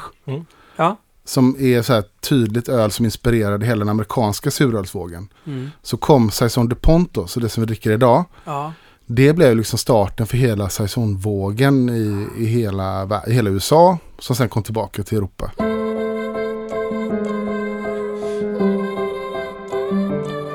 Det är ju så här, alltså jag tror också rent... För det, det blev ju någon form av... För mig är det som att säga, men det, det är ju jättesvårt att någonstans, alltså man skulle säga artbestämma saison. Det här är exakt saison liksom. Det är ju, för att jag tror ju att i och med att det var så brett från början att det här var någonting jag gjorde på gården så är det lite som Quake är i dagsläget och det håller man ju på att kartlägga just nu. Mm. För det är så få som har bryggt det och Lars blogg on beer eller vad det heter. Som just så här, han kartlägger farmhouse ales från ja, Skandinavien och baltstaterna helt enkelt. Och det är ju som att alla gjorde det på sitt egna vis. Jag kan tänka mig att det var lite samma sak med saison, liksom att man tog vad man precis hade liksom. Och jäste med vad man hade också. Mm. Så det blev liksom ofta infekterat. Men det här, det som jag kallar för saison är ju det som DuPont till exempel. Exakt. Och det är ju den här, det är ju en ren saison egentligen då. Exakt. Att den har en det är bara Saccharomyces cerevisiae, liksom alltså vanlig alegäst som visserligen är väldigt karaktäristisk och väldigt egen. Men att den är, det är bara den som är liksom gör arbetet med jäsningen liksom. Men vad menar du? Alltså är, är det en saisongäst? Nej, du sa en ale-gäst nu. Ja, det är en, Ja, precis, men det är en, eh, det är en saisongäst som är, det är en alegäst då. Okej. Ja. Som, är, Mm. väldigt, som är väldigt, väldigt speciell och ger Ja, väldigt ja, ja. unika Okej. karaktärsdrag. Den jäser ut väl, den Mm. ger ett torrt öl, ger en kryddig, pepprig ton. Precis. Aha. Kan ge Ja. så här estriga toner som är så här som tuggummitoner liksom så Mm. här. eh, Kan man ha, använda den här, kan man använda den gästen till andra ölsorter? Eller vad, vad händer om man parar den med något? Ja, det är ju det ett av problemen idag. Att så, här, så fort du använder saisonje så tror folk att det är en saison Exakt. också. Ja, ja, Så att de ja. kan stoppa Mm. i det i vilken vört som helst och så här. Men det här är en saison vi gjorde. Jag, bara, jag vet inte riktigt. Nej, det är det som Ja. blir lite eh, så här konstigt. Och, Ja. Lurigt skulle jag kalla det för. Ja. Ja. Men, och, mm, men det- jag vill mest bara göra den här distinktionen för att Ja. väldigt mycket av de amerikanska bryggerierna har ju tittat på någon historik från saison som är för mig då som att de går tillbaks till saison som inte har överlevt idag. precis. Den finns inte, det Mm. finns inga alltså idag motsvarande exempel på saison man kan få tag i utan de har ju Nej. kollat på den gamla traditionen om att så Ja. här, då kan vi bara gissa sig till vad som Ja. hände och vad som bryggdes.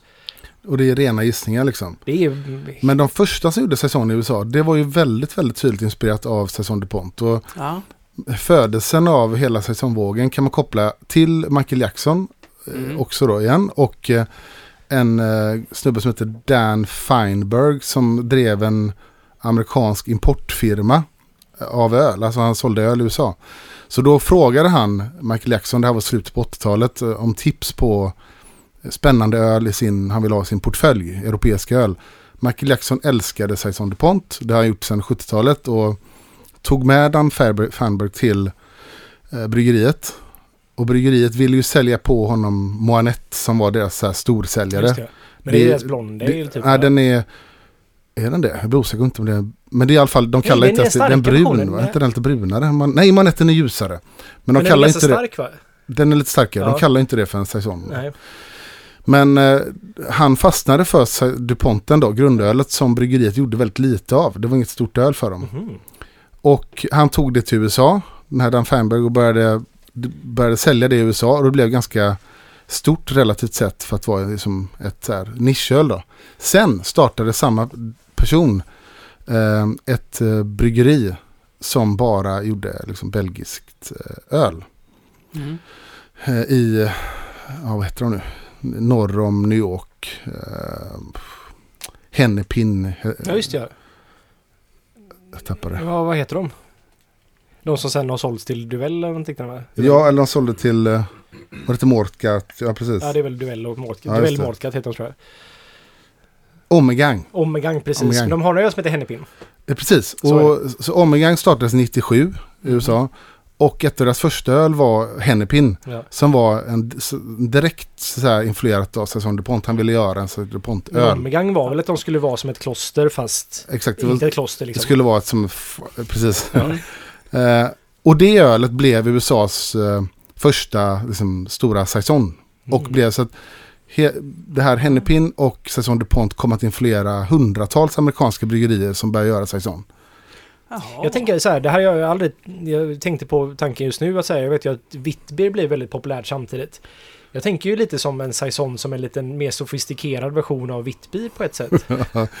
Men Saison är världens mest sofistikerade ölstil.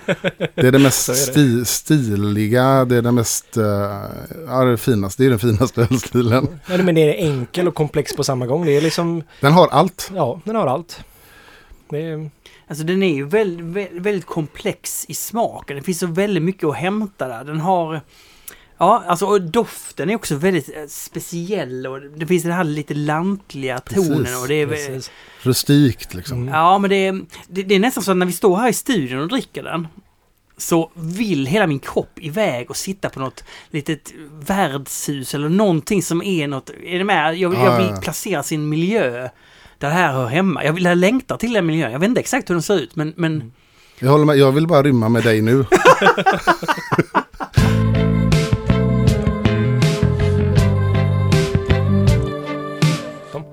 Alltså det, när, man, när man nu smakar saison, det, det, man, man får ju en känsla av att ja men skulle inte det här kunna bli nästa, nästa hazy IPA på något sätt? Alltså om man Det- gör den... Det här var Mm. ju det för några år sedan och jag, jag har faktiskt tänkt komma till det här som en liten så här Mm. grej i det hela. Var det? Ja, alltså när, när OO startade 2012, typ så här när vi så här... Vår plan var ju väldigt naiv plan, men var ju att så här... Vi älskade Saison nämligen väldigt, väldigt mycket. Vi var så här, ska vi inte bara brygga Saison? Jo, men, jo, men det gör vi. Jag trodde att det skulle vara framtiden. Ja. Det var det inte. Nej. Nej. Men I en Så- drömvärld blir det ju det. Ja. Ja. Nej men alltså Saison var jättepopulärt. Alltså det öppnar upp jättemånga Saison-bryggerier som bara gjorde Saison i USA under en... Ja men, ja, men runt där det 2010 Men det är ju USA 2012. ändå du pratar om då. Ja. Men det fanns ju den här, liksom, de ville ju ut på landet, brygga öl på bondgårdar. Där kom ju den här grejen att så här... Den här mixed fermentation saisonen då som är en Mm. blandning av både laktokulturer, Brettanomyces och Saccharomyces. Som kan vara allt ifrån jättelikt lambic faktiskt Mm. till någonting som bara är ganska likt Orval till Mm. exempel. än Bara att det finns brett i en enkel öl. Och här någonstans så blir ju säsongen så mycket mer. Mm. Och det blir väldigt förvirrat i sammanhanget tycker jag. Ja. För, och jag kan tycka så här att Farmhouse Ale som många väljer att kalla det är ju egentligen en... Det är ju, eller det är ju, de har ju kallat det saison också. Det är liksom så här, vad är själva det riktiga sättet att prata om det Ja, egentligen? ja. Så det finns ju ett glapp här i hur man har artbestämt öl tycker jag. Men det gör ju det. Och, och när man någonstans försöker hitta kärnan i Saison, jag tycker det blir ju ändå någonstans, eh, oavsett hur man tolkar den här historiken, så blir det ändå gästen och vad den producerar, tycker jag blir kärnan i ölstilen. Precis. Och därför blir det för mig helt obegripligt när man gör, det finns en sån här Saison-paradoxer liksom, att eh, massa bryggerier, det finns massa svenska bryggerier som gör Saison. Jag sökte på bolaget, tror det finns på bolaget ordinarie och beställningssortiment, ja, knappt något i ordinarie. Jag tror över 50 bryggerier gör Oj. Saison. Ja. Men näst, väldigt få av dem gör, eller de flesta gör crazy grejer. Eh, som inte har någonstans kvar karaktären av liksom. Nej, ju- Jäsningen? Precis. Och då, det för mig blir det så obegripligt för att Saison som ölstil är ju inte något populärt idag. Nej. Det säljer inte. Ändå envisas massa bryggerier med att göra någonting som heter Saison. Så undrar man varför då? Eh, de kallar det Saison men de, de här nästan liksom undviker kärnan i karaktär, liksom vad som är saison, karaktärsmässigt då, gästen. Och. Mm. Men jag vet inte om det beror på att folk inte exakt vet vad det är. För det känns som att många idag har hört och trott och sen ser saison, det första sättet de introducerades för saison var så här att men, här är det en saison med nektariner i eller något liknande. Ja. Och så ah, ja men då saison är en sån öl man kan ha massa saker i bara liksom. Ja. Som, Så kan det ju vara. ja, och att de inte ens känner till kärnan eller bara ignorerar det helt och hållet. Jag tror att det blir ett alibi för att du inte kan belgiskt öl. För jag tror att det är så här att ska vi göra något belgiskt öl? Ja, det gör vi. Eh, Ja, det, ja. Men det Just säljer det. ju inte så mycket. Vad ska vi göra? Och så kan man inte. Vi gör en saison för då kan vi göra det lite hur vi vill. Precis. Men jag, har ju- jag har ju pratat med bryggare och sådär och det känns som ganska många har en ganska slapp inställning till vad saison är. Utan det är så, ja, men då kan vi göra lite vad som helst för ingen vet hur man riktigt gjorde en saison och sådär. Och då kan jag säga, ja, men det finns ändå ett ganska tydligt exempel med Saison DuPont, vad Verkligen. saison är idag. Mm. Sen så finns det där gamla historiken som många har kollat på och jag tänker på liksom Hill Farmstead som gör sina, nu kallar han ju det Farmstead trademarked dessutom för någon form av egentligen bara lantlig öl. Så han börjar ju någonstans med att faktiskt göra Saison DuPont kloner på ett Ja. sätt liksom. Eller han har, man kan hitta den här, han har, det finns en väldigt fin intervju med, vet han, Sean Hill Mm, Ja. sån är det. som när han pratade om just Saison och det här var innan han fortfarande var i Danmark och innan han startade Hill Farmstead. Mm. Eller han skulle väl göra, han hade planerna på det. Men om hur han pratade om vad Saison betyder för honom, för mig det han nailade verkligen bra där. Sen så har ju han börjat göra då de här mixed fermentation saisons som egentligen jag kan tycka är något annat. Och det är väl han insett också, så hans nomenklatur för det är att han säger att det är Farmstead Mm. som är liksom hans sätt att säga det här är öl jag brygger på lantligt vis med mina råvaror, med min huskultur, med Just det. låter liksom min omgivning smaka i Ja. eller hans terroir liksom. Men jag, tror att det, jag tycker fortfarande att kärnan går att få fram ändå. Det finns ju massa bra säsong som har brett utan att det blir konst. Jag tycker fortfarande att man hittar kärnan i ölet Ja. i smakmässigt i. De flesta av mina säger, Saison DuPont är fortfarande så här, det är, alltså jag skulle kunna dricka det varje dag utan problem. Ja. Jag skulle nog aldrig tröttna på den heller. Men just att så här, det som jag ofta tycker blir bäst i den, jag gillar inte så mycket när man har syrligheten i en saison, men jag tycker det är jättegott när man har en fruktig brett liksom. Mm. Som bretzel och liknande som lyfter fram mer fruktiga smaker helt enkelt, Mm. fast ändå med en, en bondgårdstouch av det hela liksom. Där blir det jätte, jättebra. Så det är en komplex stil för att man kan, på ett sätt är den väldigt, väldigt tydligt om man utgår från det som startade hela den här vågen och när det blev kommersiellt och Saison DuPont då. Mm. Eller så kan man medvetet välja att tolka så, men det, jag måste tänka så som hur det gjordes på bondgårdarna för 200 år sedan. Mm. Och de gjorde hur de ville. De odlade väl, väl jättemycket choklad och sådär. Och laktos och sånt fixar de. Nej, jag bara ska. Men eh, man kan ju välja, och tyvärr väljer de flesta den senare tolkningen. Att man kan, jag kan göra precis vad som helst. Mm. Och det är fine. Jag bara tycker så här. Om man nu ändå envisas med att kalla någonting saison, som är ett begrepp som inte säljer. Varför, varför gör man det? Om det är viktigt att liksom inte följa någonstans själen i ölstilen. Jag, jag tycker det är konstigt. Men jag tycker det är väldigt roligt hur mycket ändå Saison har någonstans. För det, här, det är ju en öl för bryggare på ett sätt. Mm. Det är som pilsner och Saison är liksom. Det är, det är ölbryggarnas egna öl. Eh, Enkla, väldigt komplexa men ändå lättdruckna öl liksom. Men de har ju influerat extremt mycket Ja. moderna ölstilar som vi har idag. Även om de här moderna ölstilarna som jag nästan ser de här farmhouse alesen då liksom som är liksom en blandjäsning av brett lacto och Saccharomyces. Det ser jag som modern öl. Mm. Men att de har inspirerats väldigt mycket av en gammal historik med, som Saison har haft. Liksom. Ja. Och de har tolkat det lite fritt och vad det innebar. Men det flesta är, är att de, de fick en idé, ja, men vi kan öppna upp ett bryggeri på vår bondgård och liknande, framförallt i USA då. Att, att, och sen så har det någonstans morfat in då till att så här, ja, men då, vi kör på liksom det vi har tillgängligt. Vi kör, mycket, många går över till att köpa lokal, mm, lokal malt, liksom både korn, vete och sådana saker. Man tar vad man har och Mm. det skapar något helt nytt liksom. Mm. Det, det, det låter ju väldigt spännande. Mm. Men det alltså... Hur, men, men saison, alltså ja men, men, men... Kommer stil, kan stilen växa igen? Du sa att det var inne för ett tag sedan. Men hur mycket inne var det egentligen? Alltså, det var ju inne bland bryggare för att vi tycker att... Jo, vi, men- Ja, det sålde ju ingenting. Nej, det Nej. var ju det som många vaknade Ja. upp med tror jag. Så här, oh, vi startade ett saisonbryggeri för att man lever i en bubbla som ölnörd och kanske ölbryggare. Att, så här, att det, alla gillar det här och så Mm. tror man att det här kommer funka jättebra och så visar det sig att det gjorde det inte alls det Mm. Nej, det säger ju ingenting. Det här Saison DuPont åkte ju, var ju väl i bolaget för något år sedan sådär. Det var, ja, det var inte länge sedan det fanns i fasta liksom. Och så åkte ut, så kollade jag på statistik innan jag kom hit på 2018 års försäljning på bolaget. Och så som DuPont sålde 2018, då fanns det i beställningssortimentet. Men det var så här 500, 400, 500 liter. Det Skojar var ett skämt. Jag bara så här, är det, Mm. det kan inte stämma. Nej. Det är så här, då är det knappt några som, då känner jag står för hälften av den volymen. Nej men det är så här, det är så konstigt. Ja. Ett så ikoniskt öl liksom säljer så lite. Men jag, jag har en liten egen teori här som jag skulle komma till förut men jag glömde Ja. lite grann. Det är att New England-IPA är direkt inspirerat av Saison. Oj! Det, Bra. ja. Mm. Det, Va? jag är helt övertygad. Alltså, det är Hur- svårt för mig att bevisa det här på något sätt. Ja, jag, jag kan... Hade inte Saison varit, blivit populärt bland bryggare så hade aldrig New England kommit, Nej. växt fram som en Alltså, överhuvudtaget. Hur påverkade det dig att göra? Ja, det var ju New- så jag... Innan jag visste vad New England IPA var Ja. så var jag ju så här i och med att vi...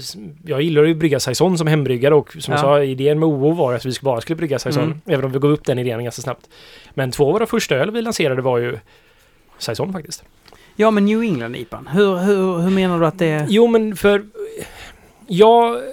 Liksom så här, många... Det finns ju lite så här olika versioner av vart ifrån... Eller tolkningar rätt sagt. Vart Mm. ifrån New England-IPan faktiskt härstammar. Och för mig har den lite olika ursprung. Och så som... När jag började göra IPorna på det sättet som idag kallas för New England-IPA. Så kanske de inte var liksom fullt så New England som de är idag liksom. Men det var ändå liksom vad jag inspirerades. Och det var ju att jag bryggde saison. Där man hade en hel del vete och man kunde använda havre. Man hade Ja, andra ja, ja. sädeslag som var lite mer och man, Ja, man hade en gäst som var framförallt väldigt, man insåg att det finns mer än US 05 liksom som är en så här enkel amerikansk gäst. Och Mm. att man så här, vad roligt det är när gästen får liksom, och jag insåg att så här, ja, men vad gött det är med humligt och brittisk gäst. Mm. Det var liksom, och det är ju någonstans starten till vad New England IPA är, att man har en mer esterproducerande gäst som gifter sig med humlen. Ah. Det som var tidigare, det här West Coast IPAn i USA, var ju mer att du hade en enkel, ren amerikansk ale-gäst. Och på toppen av det så hade du en massa humle. Mm. Så smakade det som humlen gör i, om du äter det i ren form nästan. Men när du använder då en engelsk gäst så liksom gifter de sig.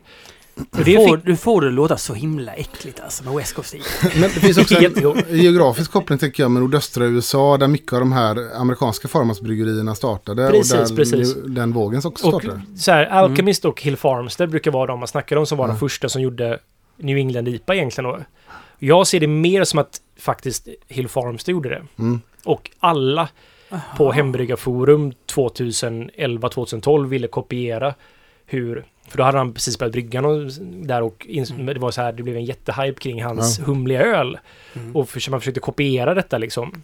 Det var ingen som kallade det hette New England IPA eller liknande, men det var ändå Nej. så här att om man var på någon spa, ja men det, det är engelsk gäst. Han är väldigt, han säger ju ingenting om vad han har i sin öl Nej. överhuvudtaget. Så det var som en engelsk gäst och när jag tittar på hur han pratar om hur han bryggde saison. Mm. Han har ju applicerat samma sak på IPA egentligen.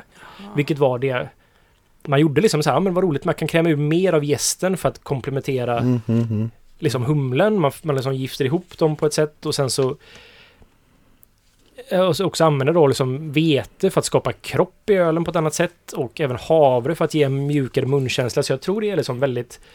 Alchemist kanske var de som gjorde, i och med att Heady Topper, de blev väldigt populära. Men de är inte så extremt New England som andra versioner. De är gjorda med i stort sett bara korn liksom, men att de Mm. har en ganska uttrycksfull engelsk gäst. Så det var liksom flera influenser som någonstans morfades ihop Mm. och blev New England. Och jag tror aldrig det hänt om det inte varit så att de här bryggerierna hade tagit ganska mycket inspiration från att de försökte göra saisons. Saison alltså. Och- Ja, också så här, uppskattningen av lite um, grumlig öl också. Ja, och belgiskt. Och det jag tycker är så fint med Saison är att den fyller en sån tydlig lucka i den belgiska liksom, ölfloran. Det är därför jag tycker att den är egentligen ganska tydlig för mig som Mm. stil. Och ta, pratar man belgisk blond så är det något annat. Belgisk Mm. trippel som också är ljust är, är något helt annat. Så den har, den fyller ett väldigt tydligt eh, gap liksom. Mm. Ehm, mm, Men det är ju verkligen, det är ju så här, och jag ska faktiskt brygga saison här nu i sommar. fantastiskt. Så jag har tre stycken uppradade på där jag ska använda samma gäst och skörda helt enkelt. Så vi ska återlansera Bohemia Mm. som är våran... Alltså... väldigt enkla saison. Mm. Som hembryggare så gjorde jag den här och den blev väldigt uppskattad på det här stället, Palatsot faktiskt. Mm. För att den smakade som pilsner fast lite mer. Och det var ju helt enkelt att jag använde en saisonjäst på ett väldigt simpelt, det var en smashöl helt enkelt, single malt and Mm. single hop. Mm. Så det var ju att jag tog en pilsnerrecept, alltså 100% pilsnermalt, SAS-humle, ganska mycket på koks, eller så här mot slutet av koket så man får en del så här fin kryddig och liksom lite citrussmak från SAS-humlen. Och så jäste det med saisonjäst. Superenkelt. Det är bara liksom, man är klar på två veckor typ. Och det blev jätteuppskattat. Mm. Så tänkte jag, men här kan vi göra och sälja. Men den var väldigt bra den ölen. Den, den minns den. Ja, den sålde dock ingenting. Nej, det kan jag tänka mig. Någonstans där insåg jag att det här kanske inte var en sån där... Kallar det saison-IPA då? Ja, på. Nej, men vi funderade på om vi bara skulle döpa om det till en blonde ale, men den heter ju Bohemia för att det är tjeckiska ingredienser liksom. Bohem, böhmiskt. Men det är gjort med saison, så det är så här Bohemia saison. Ja, just det. Men det är ju liksom en så här egentligen... Och jag också jäst den lite kallare än vad man kanske gör med en saison kan man jäsa väldigt varmt. Det är också så här i en produktionsmiljö så är det som att du pitchar kanske vid vanlig temperatur och sen så har du ingen temperaturstyrning så du låter den gå upp i 30 grader. Mm. Vilket Mm. är, det kan man aldrig göra med en alias till exempel för då får du en ja, alltså så här finkelöl liksom. Mm. Det är inte så gott. Ja, den gästen den är helt unik den gästen. Ja. För att den man, den, man kan jobba med den höga temperatur utan att det blir eh, Ja. konstigt liksom. Men det, är det, en det, det är kanske också en anledning till att det är en favorit bland hembryggare då? Ja, är, det är en väldigt simpel öl att brygga på sommaren om man inte har kylmöjligheter liksom. Ja, visst. Så jag tror det är en sån här att det är en anledning till att den blivit populär också igen, att det varit ett Mm. form av det är, eller det är så här att man tror att den ska vara populär att sälja, men det är nog att folk gillar att brygga den mer för att den är Ja, enkel precis. att brygga liksom.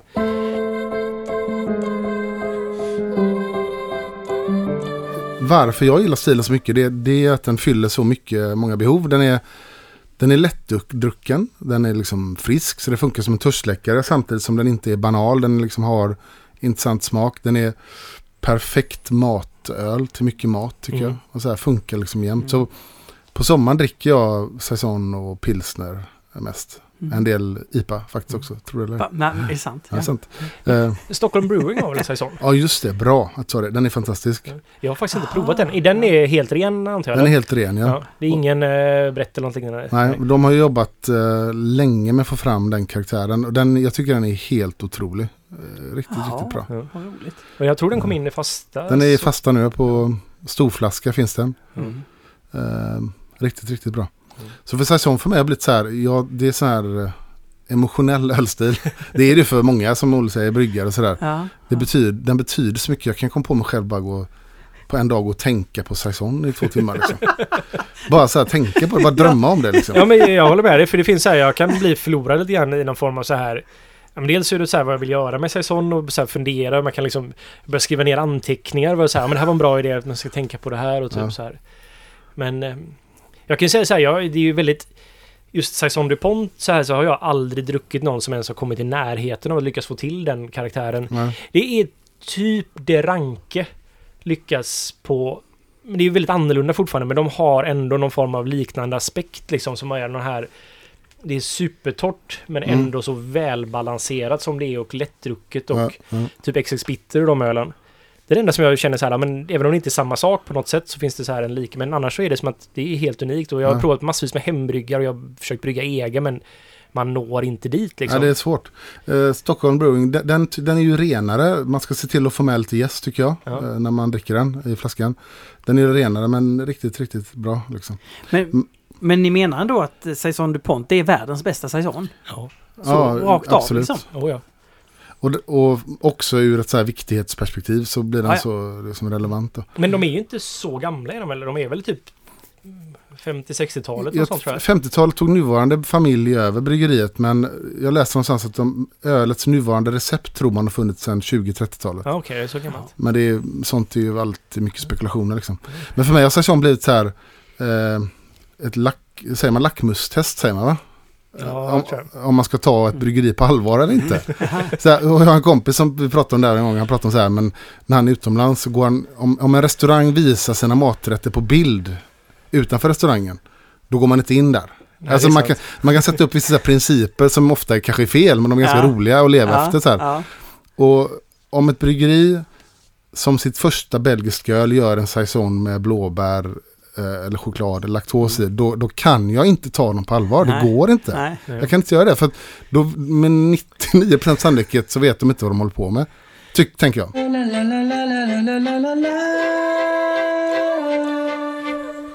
Men jag, så här, jag, min, jag har en dröm om att få åka till Saison de Pont och besöka dem. Jag har snackat med folk som varit där. Importörer vi har i olika länder som också säljer Saison de Pont och de säger att det är fantastiskt och att det är så här.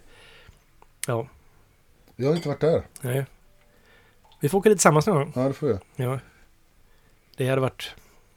Men det är en väldigt unik tillverkningsprocess. De använder sig av den här gästen. Det finns ju då en kultiverad version som man kan köpa. Det är, det är den jag kommer använda nu också faktiskt. Och det är den som jag tycker alltid kommit närmast. Det finns lite andra. Det finns en som heter French Saison. Som är liksom en... en som ska vara från Brasserie Thérèse. Som är på den franska sidan där, men i samma region. Som, men den... Den funkar bra till humle, men den är alldeles för eh, lik Hefeweizen. Den får väldigt mycket av den karaktären. Vilket jag inte riktigt tycker man ska ha i en sån, utan det ska mer om handla om estrigheten och den här pepprigheten. Liksom, liksom lite Ja, den ska ju inte vara bananig på det sättet. Nej, precis. Det, Eh, men, Men, ja. ja. men det som är känt för den här jäsningen är att den ska vara svår att arbeta. Men jag har faktiskt aldrig riktigt märkt av det här att den ska stanna mitt under jäsningen och sådär. jag har varit med om det. Har du det? Och om, att den kan helt bara stanna av och sen får man vänta ut den. Men eh, jag gissar att det handlar om eh, hum, alltså mängd av mängd gäst och, Det gör det och, säkert. och temperatur och sådär. Jag har hört att så här, för på bryggeriet så använder de väldigt grunda kar. Som är open fermentation, alltså öppna jäskar. Så det finns inget, så här, det finns inget tryck, inget, knappt något statiskt tryck från själva vätskan att det blir något speciellt. Det är lite som engelska öl, ofta så här också väldigt grunda kar liksom. Medan när vi har sådana här jästankar så blir det ganska, det kan ju vara tre meter upp och då blir det så här ändå tre meter av vattentryck liksom. Mm. Som, och den här gästen är väldigt känslig mot det. Så att man ska försöka efterlikna det så mycket som möjligt. Och så är det med brittisk öl och även belgisk gäst att så här, desto har du formen på jäskaren spelar roll. Mm. Det är liksom verkligen en stor grej liksom. Formen på jäskaren. Ja. Men bara avsluta, eller ska vi prata mer? Absolut. Vi kan Ja, prata nej. jättelänge. Nej, ja, Nej, men så här- kör. Ja, för det kanske finns en del som lyssnar nu som tänker att man är så här ölnazist och sådär när man pratar om hur man tycker saison ska vara. Eftersom det är en sån fri stil tycker många. Och den, det grejen är att den är ju lite fri. Men så, jag tänka så här, så länge du, du inte tar tillvara på det som är själen i en saison, det som kommer av jäsningen. Så, så är det liksom lite poänglöst att kalla den saison. Och, och då tycker många så här, hur kan du vara så fyrkantig? Men min spaning är att den typen av resonemang har alla, alla har det när det gäller sin favoritstil. Bara. Mm. Och idag är IPA allas favoritstil. Så tänker följande, man gör en, en öl, man gör en IPA. helt utan humlekaraktär. Det är som en lätt, en, en kölsch fast ännu mindre humle. Så säger man här är vår nya IPA, då skulle folk bli helt tokiga liksom. Det här är ingen IPA. Det här är ingen IPA. Det är faktiskt väldigt bra Plötsligt då blir öltypsdefinitionen viktig bland, bland folk. Jaha, en IPA ska ha humle? Jaha, tycker du det? Varför då? Den kan ju väl vara utan humle? Ja. Ja. Ja. Nej, det är ju det här, det, här, det är ju det här med språket återigen. Språket, att, att vi har ju... Det, det, det, språket har vi ju för att kunna kommunicera. Exakt. Och då är det ju bra. Konsumentupplysning Att, eh, hämtar du dammsugaren till mig eh, och kommer du med mjölkpaket. Jättesvårt. Nej, jag menar inte... Eh, eh, jag menar... Eh, ja, Ja. skiftnyckeln. Ja. Och då, då kommer du med, med marmeladen som jag vill ha.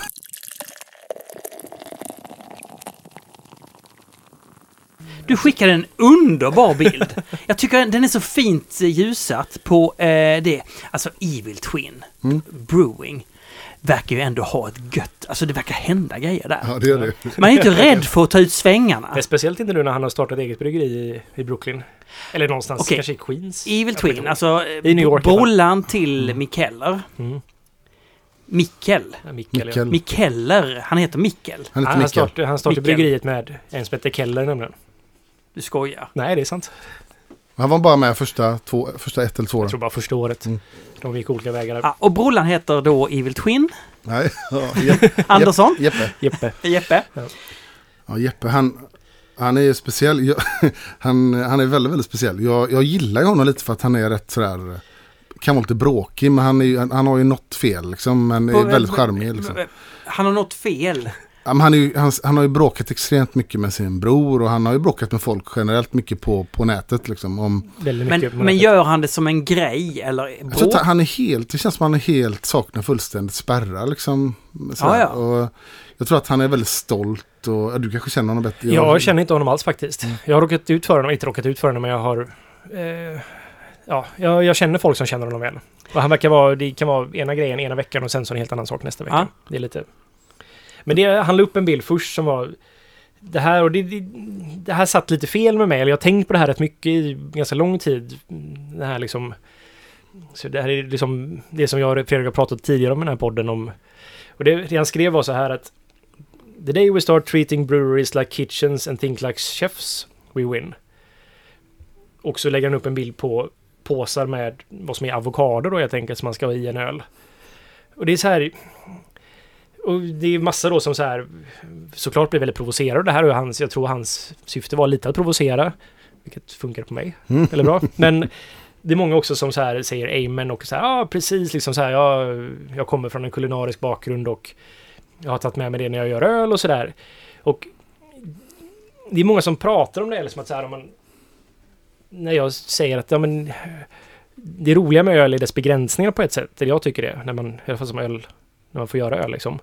Och att man får hålla sig i vissa saker och kunna vara kreativ inom vissa ramar liksom. För det är det som oftast funkar bäst enligt mig. Och det finns ju sjukt mycket att göra inom de här gränserna som är... Exakt. Medan så här att man ska tänka mer som att man ska vara någon form av gourmetkock liksom eller så här. Så kan jag tycka att ja, men, det är en ganska dålig liknelse. För att är du kock så har du ett helt kök med hur mycket olika variabler som helst. Du kan leka med hettor, du kan leka med olika utrustning, du kan ha som... Du har, liksom, det finns ingen begränsning i vilka ingredienser du egentligen kan anvan- använda till det hela. Men med, Strukturer, allt möjligt. Precis, medan med öl så har man liksom egentligen bara... Du har ett bryggverk som idag är ganska standardiserade. Och du kan liksom använda dem bak, på bak... Eller så här, sätt som inte är tänkt att använda egentligen och komma till- fram till roliga grejer. Men det är fortfarande väldigt begränsande ja, Mm. liksom utrustning du har. Det är som att man bara får använda en kniv och en kastrull, inget annat stort sett. Så att det blir som så konstigt när man ska hålla på att ja, men vi ska tänka som kockar, fast det, gör, eller så här, det kan vi inte göra riktigt. Nej. Och så blir det ju sällan så bra heller. ju. Nej, precis. Och så i det här sammanhanget så han har tänkt som en kock genom att ha i avokado i en öl. Alltså, jag tycker det är lite... Men, Det är, så här, det är väldigt begränsande om man tror en kock, vad de, vad de sysslar med liksom. De, det är ju mer som så här, alltså den bästa liknelsen som kom på här faktiskt för någon dag sedan så här var att Alltså det är mer som typ pizzabagare. För de har ju så här bröd, de har jäst, de har en tomatsås och så har de topping, ost har de också, och toppings. Och det här är ju liksom så att han är som en pizzabagare som leker med toppings. Mm. Det är det enda liksom. Faktiskt. Men det är det som är... Det är klart man måste kunna liksom vara lekfull och kreativ och hitta på nya grejer. Men det roliga med dagens ölkultur är att det är nästan att alla undviker kärnan. Nästan, nästan Tourettesaktigt måste de göra saker utifrån. Det är så här, eh, det går liksom inte att gö- försöka göra någonting bra. eh, Ut, som, så som någon form av grund, med grund. Utan det handlar så mycket om att sticka ut såklart och att synas i, i flöden och liksom få uppmärksamhet. Och han, det som är roligt med Jeppe är att för inte så länge sedan så skrev han ett inlägg på Instagram där han, han hade lagt ut en bild på ett glas med, med apelsinjuice Mm. eh, i. Fast det visste ju ingen, alla trodde det var en hazy-IPA. Och så blev han lite, folk blev så här, tyckte var, han, den blev så likad den här bilden. Och då skrev han så här, då blev han lite provocerad tror jag. Så han, ska säga. Eh, han ifrågasatte det då, hur kan ni gilla ett glas med, med apelsinjuice? sen? Sen, what I'm questioning is, the, questioning is the fact that a glass of orange juice gets way more attention and likes than any other post on brewer Instagram. Why is that and how did we get to that? Is real beer just not cool anymore? Säger han. Och det är alltså personen som slänger i kyckling i öl. Eh, friterad kyckling. Ja. Och mycket av de här grejerna man slänger i, det är ju bara, det har ju ingenting med att, ölet kommer smaka så sen. Eller ens få kar- Ett öl som du slänger i friterad kyckling kommer inte smaka friterad kyckling. Men det, för det, man gör det för uppmärksamheten. Liksom. Mm. Det, det finns ju en intressant aspekt. Mm. Och det är att jag vill inte ha jag vill inte ha någonting som styr mig. Jag vill inte ha någonting som begränsar mig. Jag vill tänka fritt. Mm. Det, det finns ju något intressant i det. Att Mm. våga... Och i det finns det ju någon, någon typ av sanning eller någonting intressant i det han säger. Jag vill, jag vill vara lika fri som, som, en, som en chef i ett kök. va? Eh, sen, så, sen kan det ju ändå vara så att, nej fast du får ändå ha den här pizzabottnen. Men sen vill jag vara helt. Alltså, ja. Jo men alltså det är ju inget, alltså man får vara, man får tänka Mm. fritt och jag, jag, jag hoppas och tror, jag tror det kommer bli så här att folk eller bryggerier, det som det kommer smälta ihop lite grann, alltså det här alltså fermenterad dryck liksom Mm. kommer bli som att öl är öl Mm. och sen så finns det fermenterade drycker av olika slag. Det finns vin, det finns eh, cider, det finns kombucha. Och man kommer börja, ja men lite som de som ni var besökte i Köpenhamn, Köpenhamn, där mm. Mm. sprit. Att mer och mer kommer börja testa nya tekniker bara för att jäsa dryck helt enkelt. Och där kan man faktiskt, där behöver man inte ens använda ett bryggverk i sådana fall. Där kan man egentligen göra man kan alltså blanda massvis med olika saker och där kan man ju mer tänka som en kock i sådana fall. Mm. Sen så är ju en stor del av kockyrket är ju att ändå förfina tekniker och bli väldigt duktig på grundgrejer. Och sen lägga till saker som funkar liksom. Mm. Men eh, ja, jag störde mig mest bara på att det var så här att han tycker man ska börja tänka som kock och så är det bara att hälla i en puré av avokado. Det, det, det, stringensen och logiken saknas lite. Det är väl mer, alltså, Ja. det, det menar, han får väl göra som han vill, men sen att bygga en tes som, där han är seriös, som inte håller, det är ju det som blir lite haltande. Mm. Ja, och nu får ju han skit, men jag, jag har faktiskt träffat så många bryggare som har som USP liksom att ah, men vi, vi tänker inte på öl som det här utan vi tänker som kockar på öl och så, Mm. vad, så här, men vad menar du med det? Så här, ah, Okej, det enda du menar är att du har i saker efter jäsning och så får det smaka vad det smakar liksom. Mm. Typ. så Och så var det inte så mycket mer. Det är som ett fint sätt att beskriva Mm. någonting som är väldigt enkelt egentligen. Ja, ja. ja, men det, man, ja, det låter kanske superkonservativ här. Det, jag tyckte det var fel att experimentera igen. Men man ska göra det av, av en anledning att man vill göra något som smakar på ett visst sätt. Inte för, bara för att få uppmärksamhet.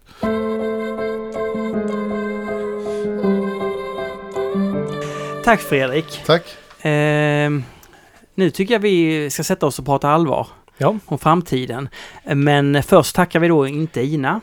jo men det gör vi ändå. Vi tackar Ina. Hon ska inte klippa det, hon är på Nej, semester. men jag, jag jag ska klippa det i Inas anda. Ja, eh, använda de klippljuden som hon använder, de här mjuka lallandena. ja, just det. Eh, absolut, inte något annat. Eh, också tycker jag man ska mm, prenumerera på Carol Hops. Den, Mm. den finns fortfarande va? Den, Eh, Den finns fortfarande. ja, Ja. mm, det är bra. De ska vi göra någon internationell utgåva av den också nu. Det tror jag är en väldigt smart idé faktiskt. Mm. Det, I och med att Sverige är lite litet. Ja, det finns ju en... Jag märkte att det- hur många lyssnare har vi nu per avsnitt? 3000 någonting. Där, Ja. va? Det är väl så många ungefär som vi kan nå tror jag. Jag vet inte riktigt. Nej men ehm, ja. Nej, men jag tror det är väldigt... Det är så roligt faktiskt att följa. Ja. Sen ska man tänka med, mer som kockar för att det ska få mer lyssnare. Att, ska, vi, ska vi bjuda in någon, skulle vi inte kunna bjuda in någon av de engelska bryggarna från Stigberget som pratar engelska i ett avsnitt? om det kanske man kan göra. Det är ju det här med engelskan då, men Ja. de Ja. kan ju. Man ska gå med i Svenska Ölfrämjandet också. Ja. Sen tycker jag man ska följa Double Bastard på Instagram också. Ja, det måste man göra. Eller Facebook. Double Bastard B-blogg. Just det.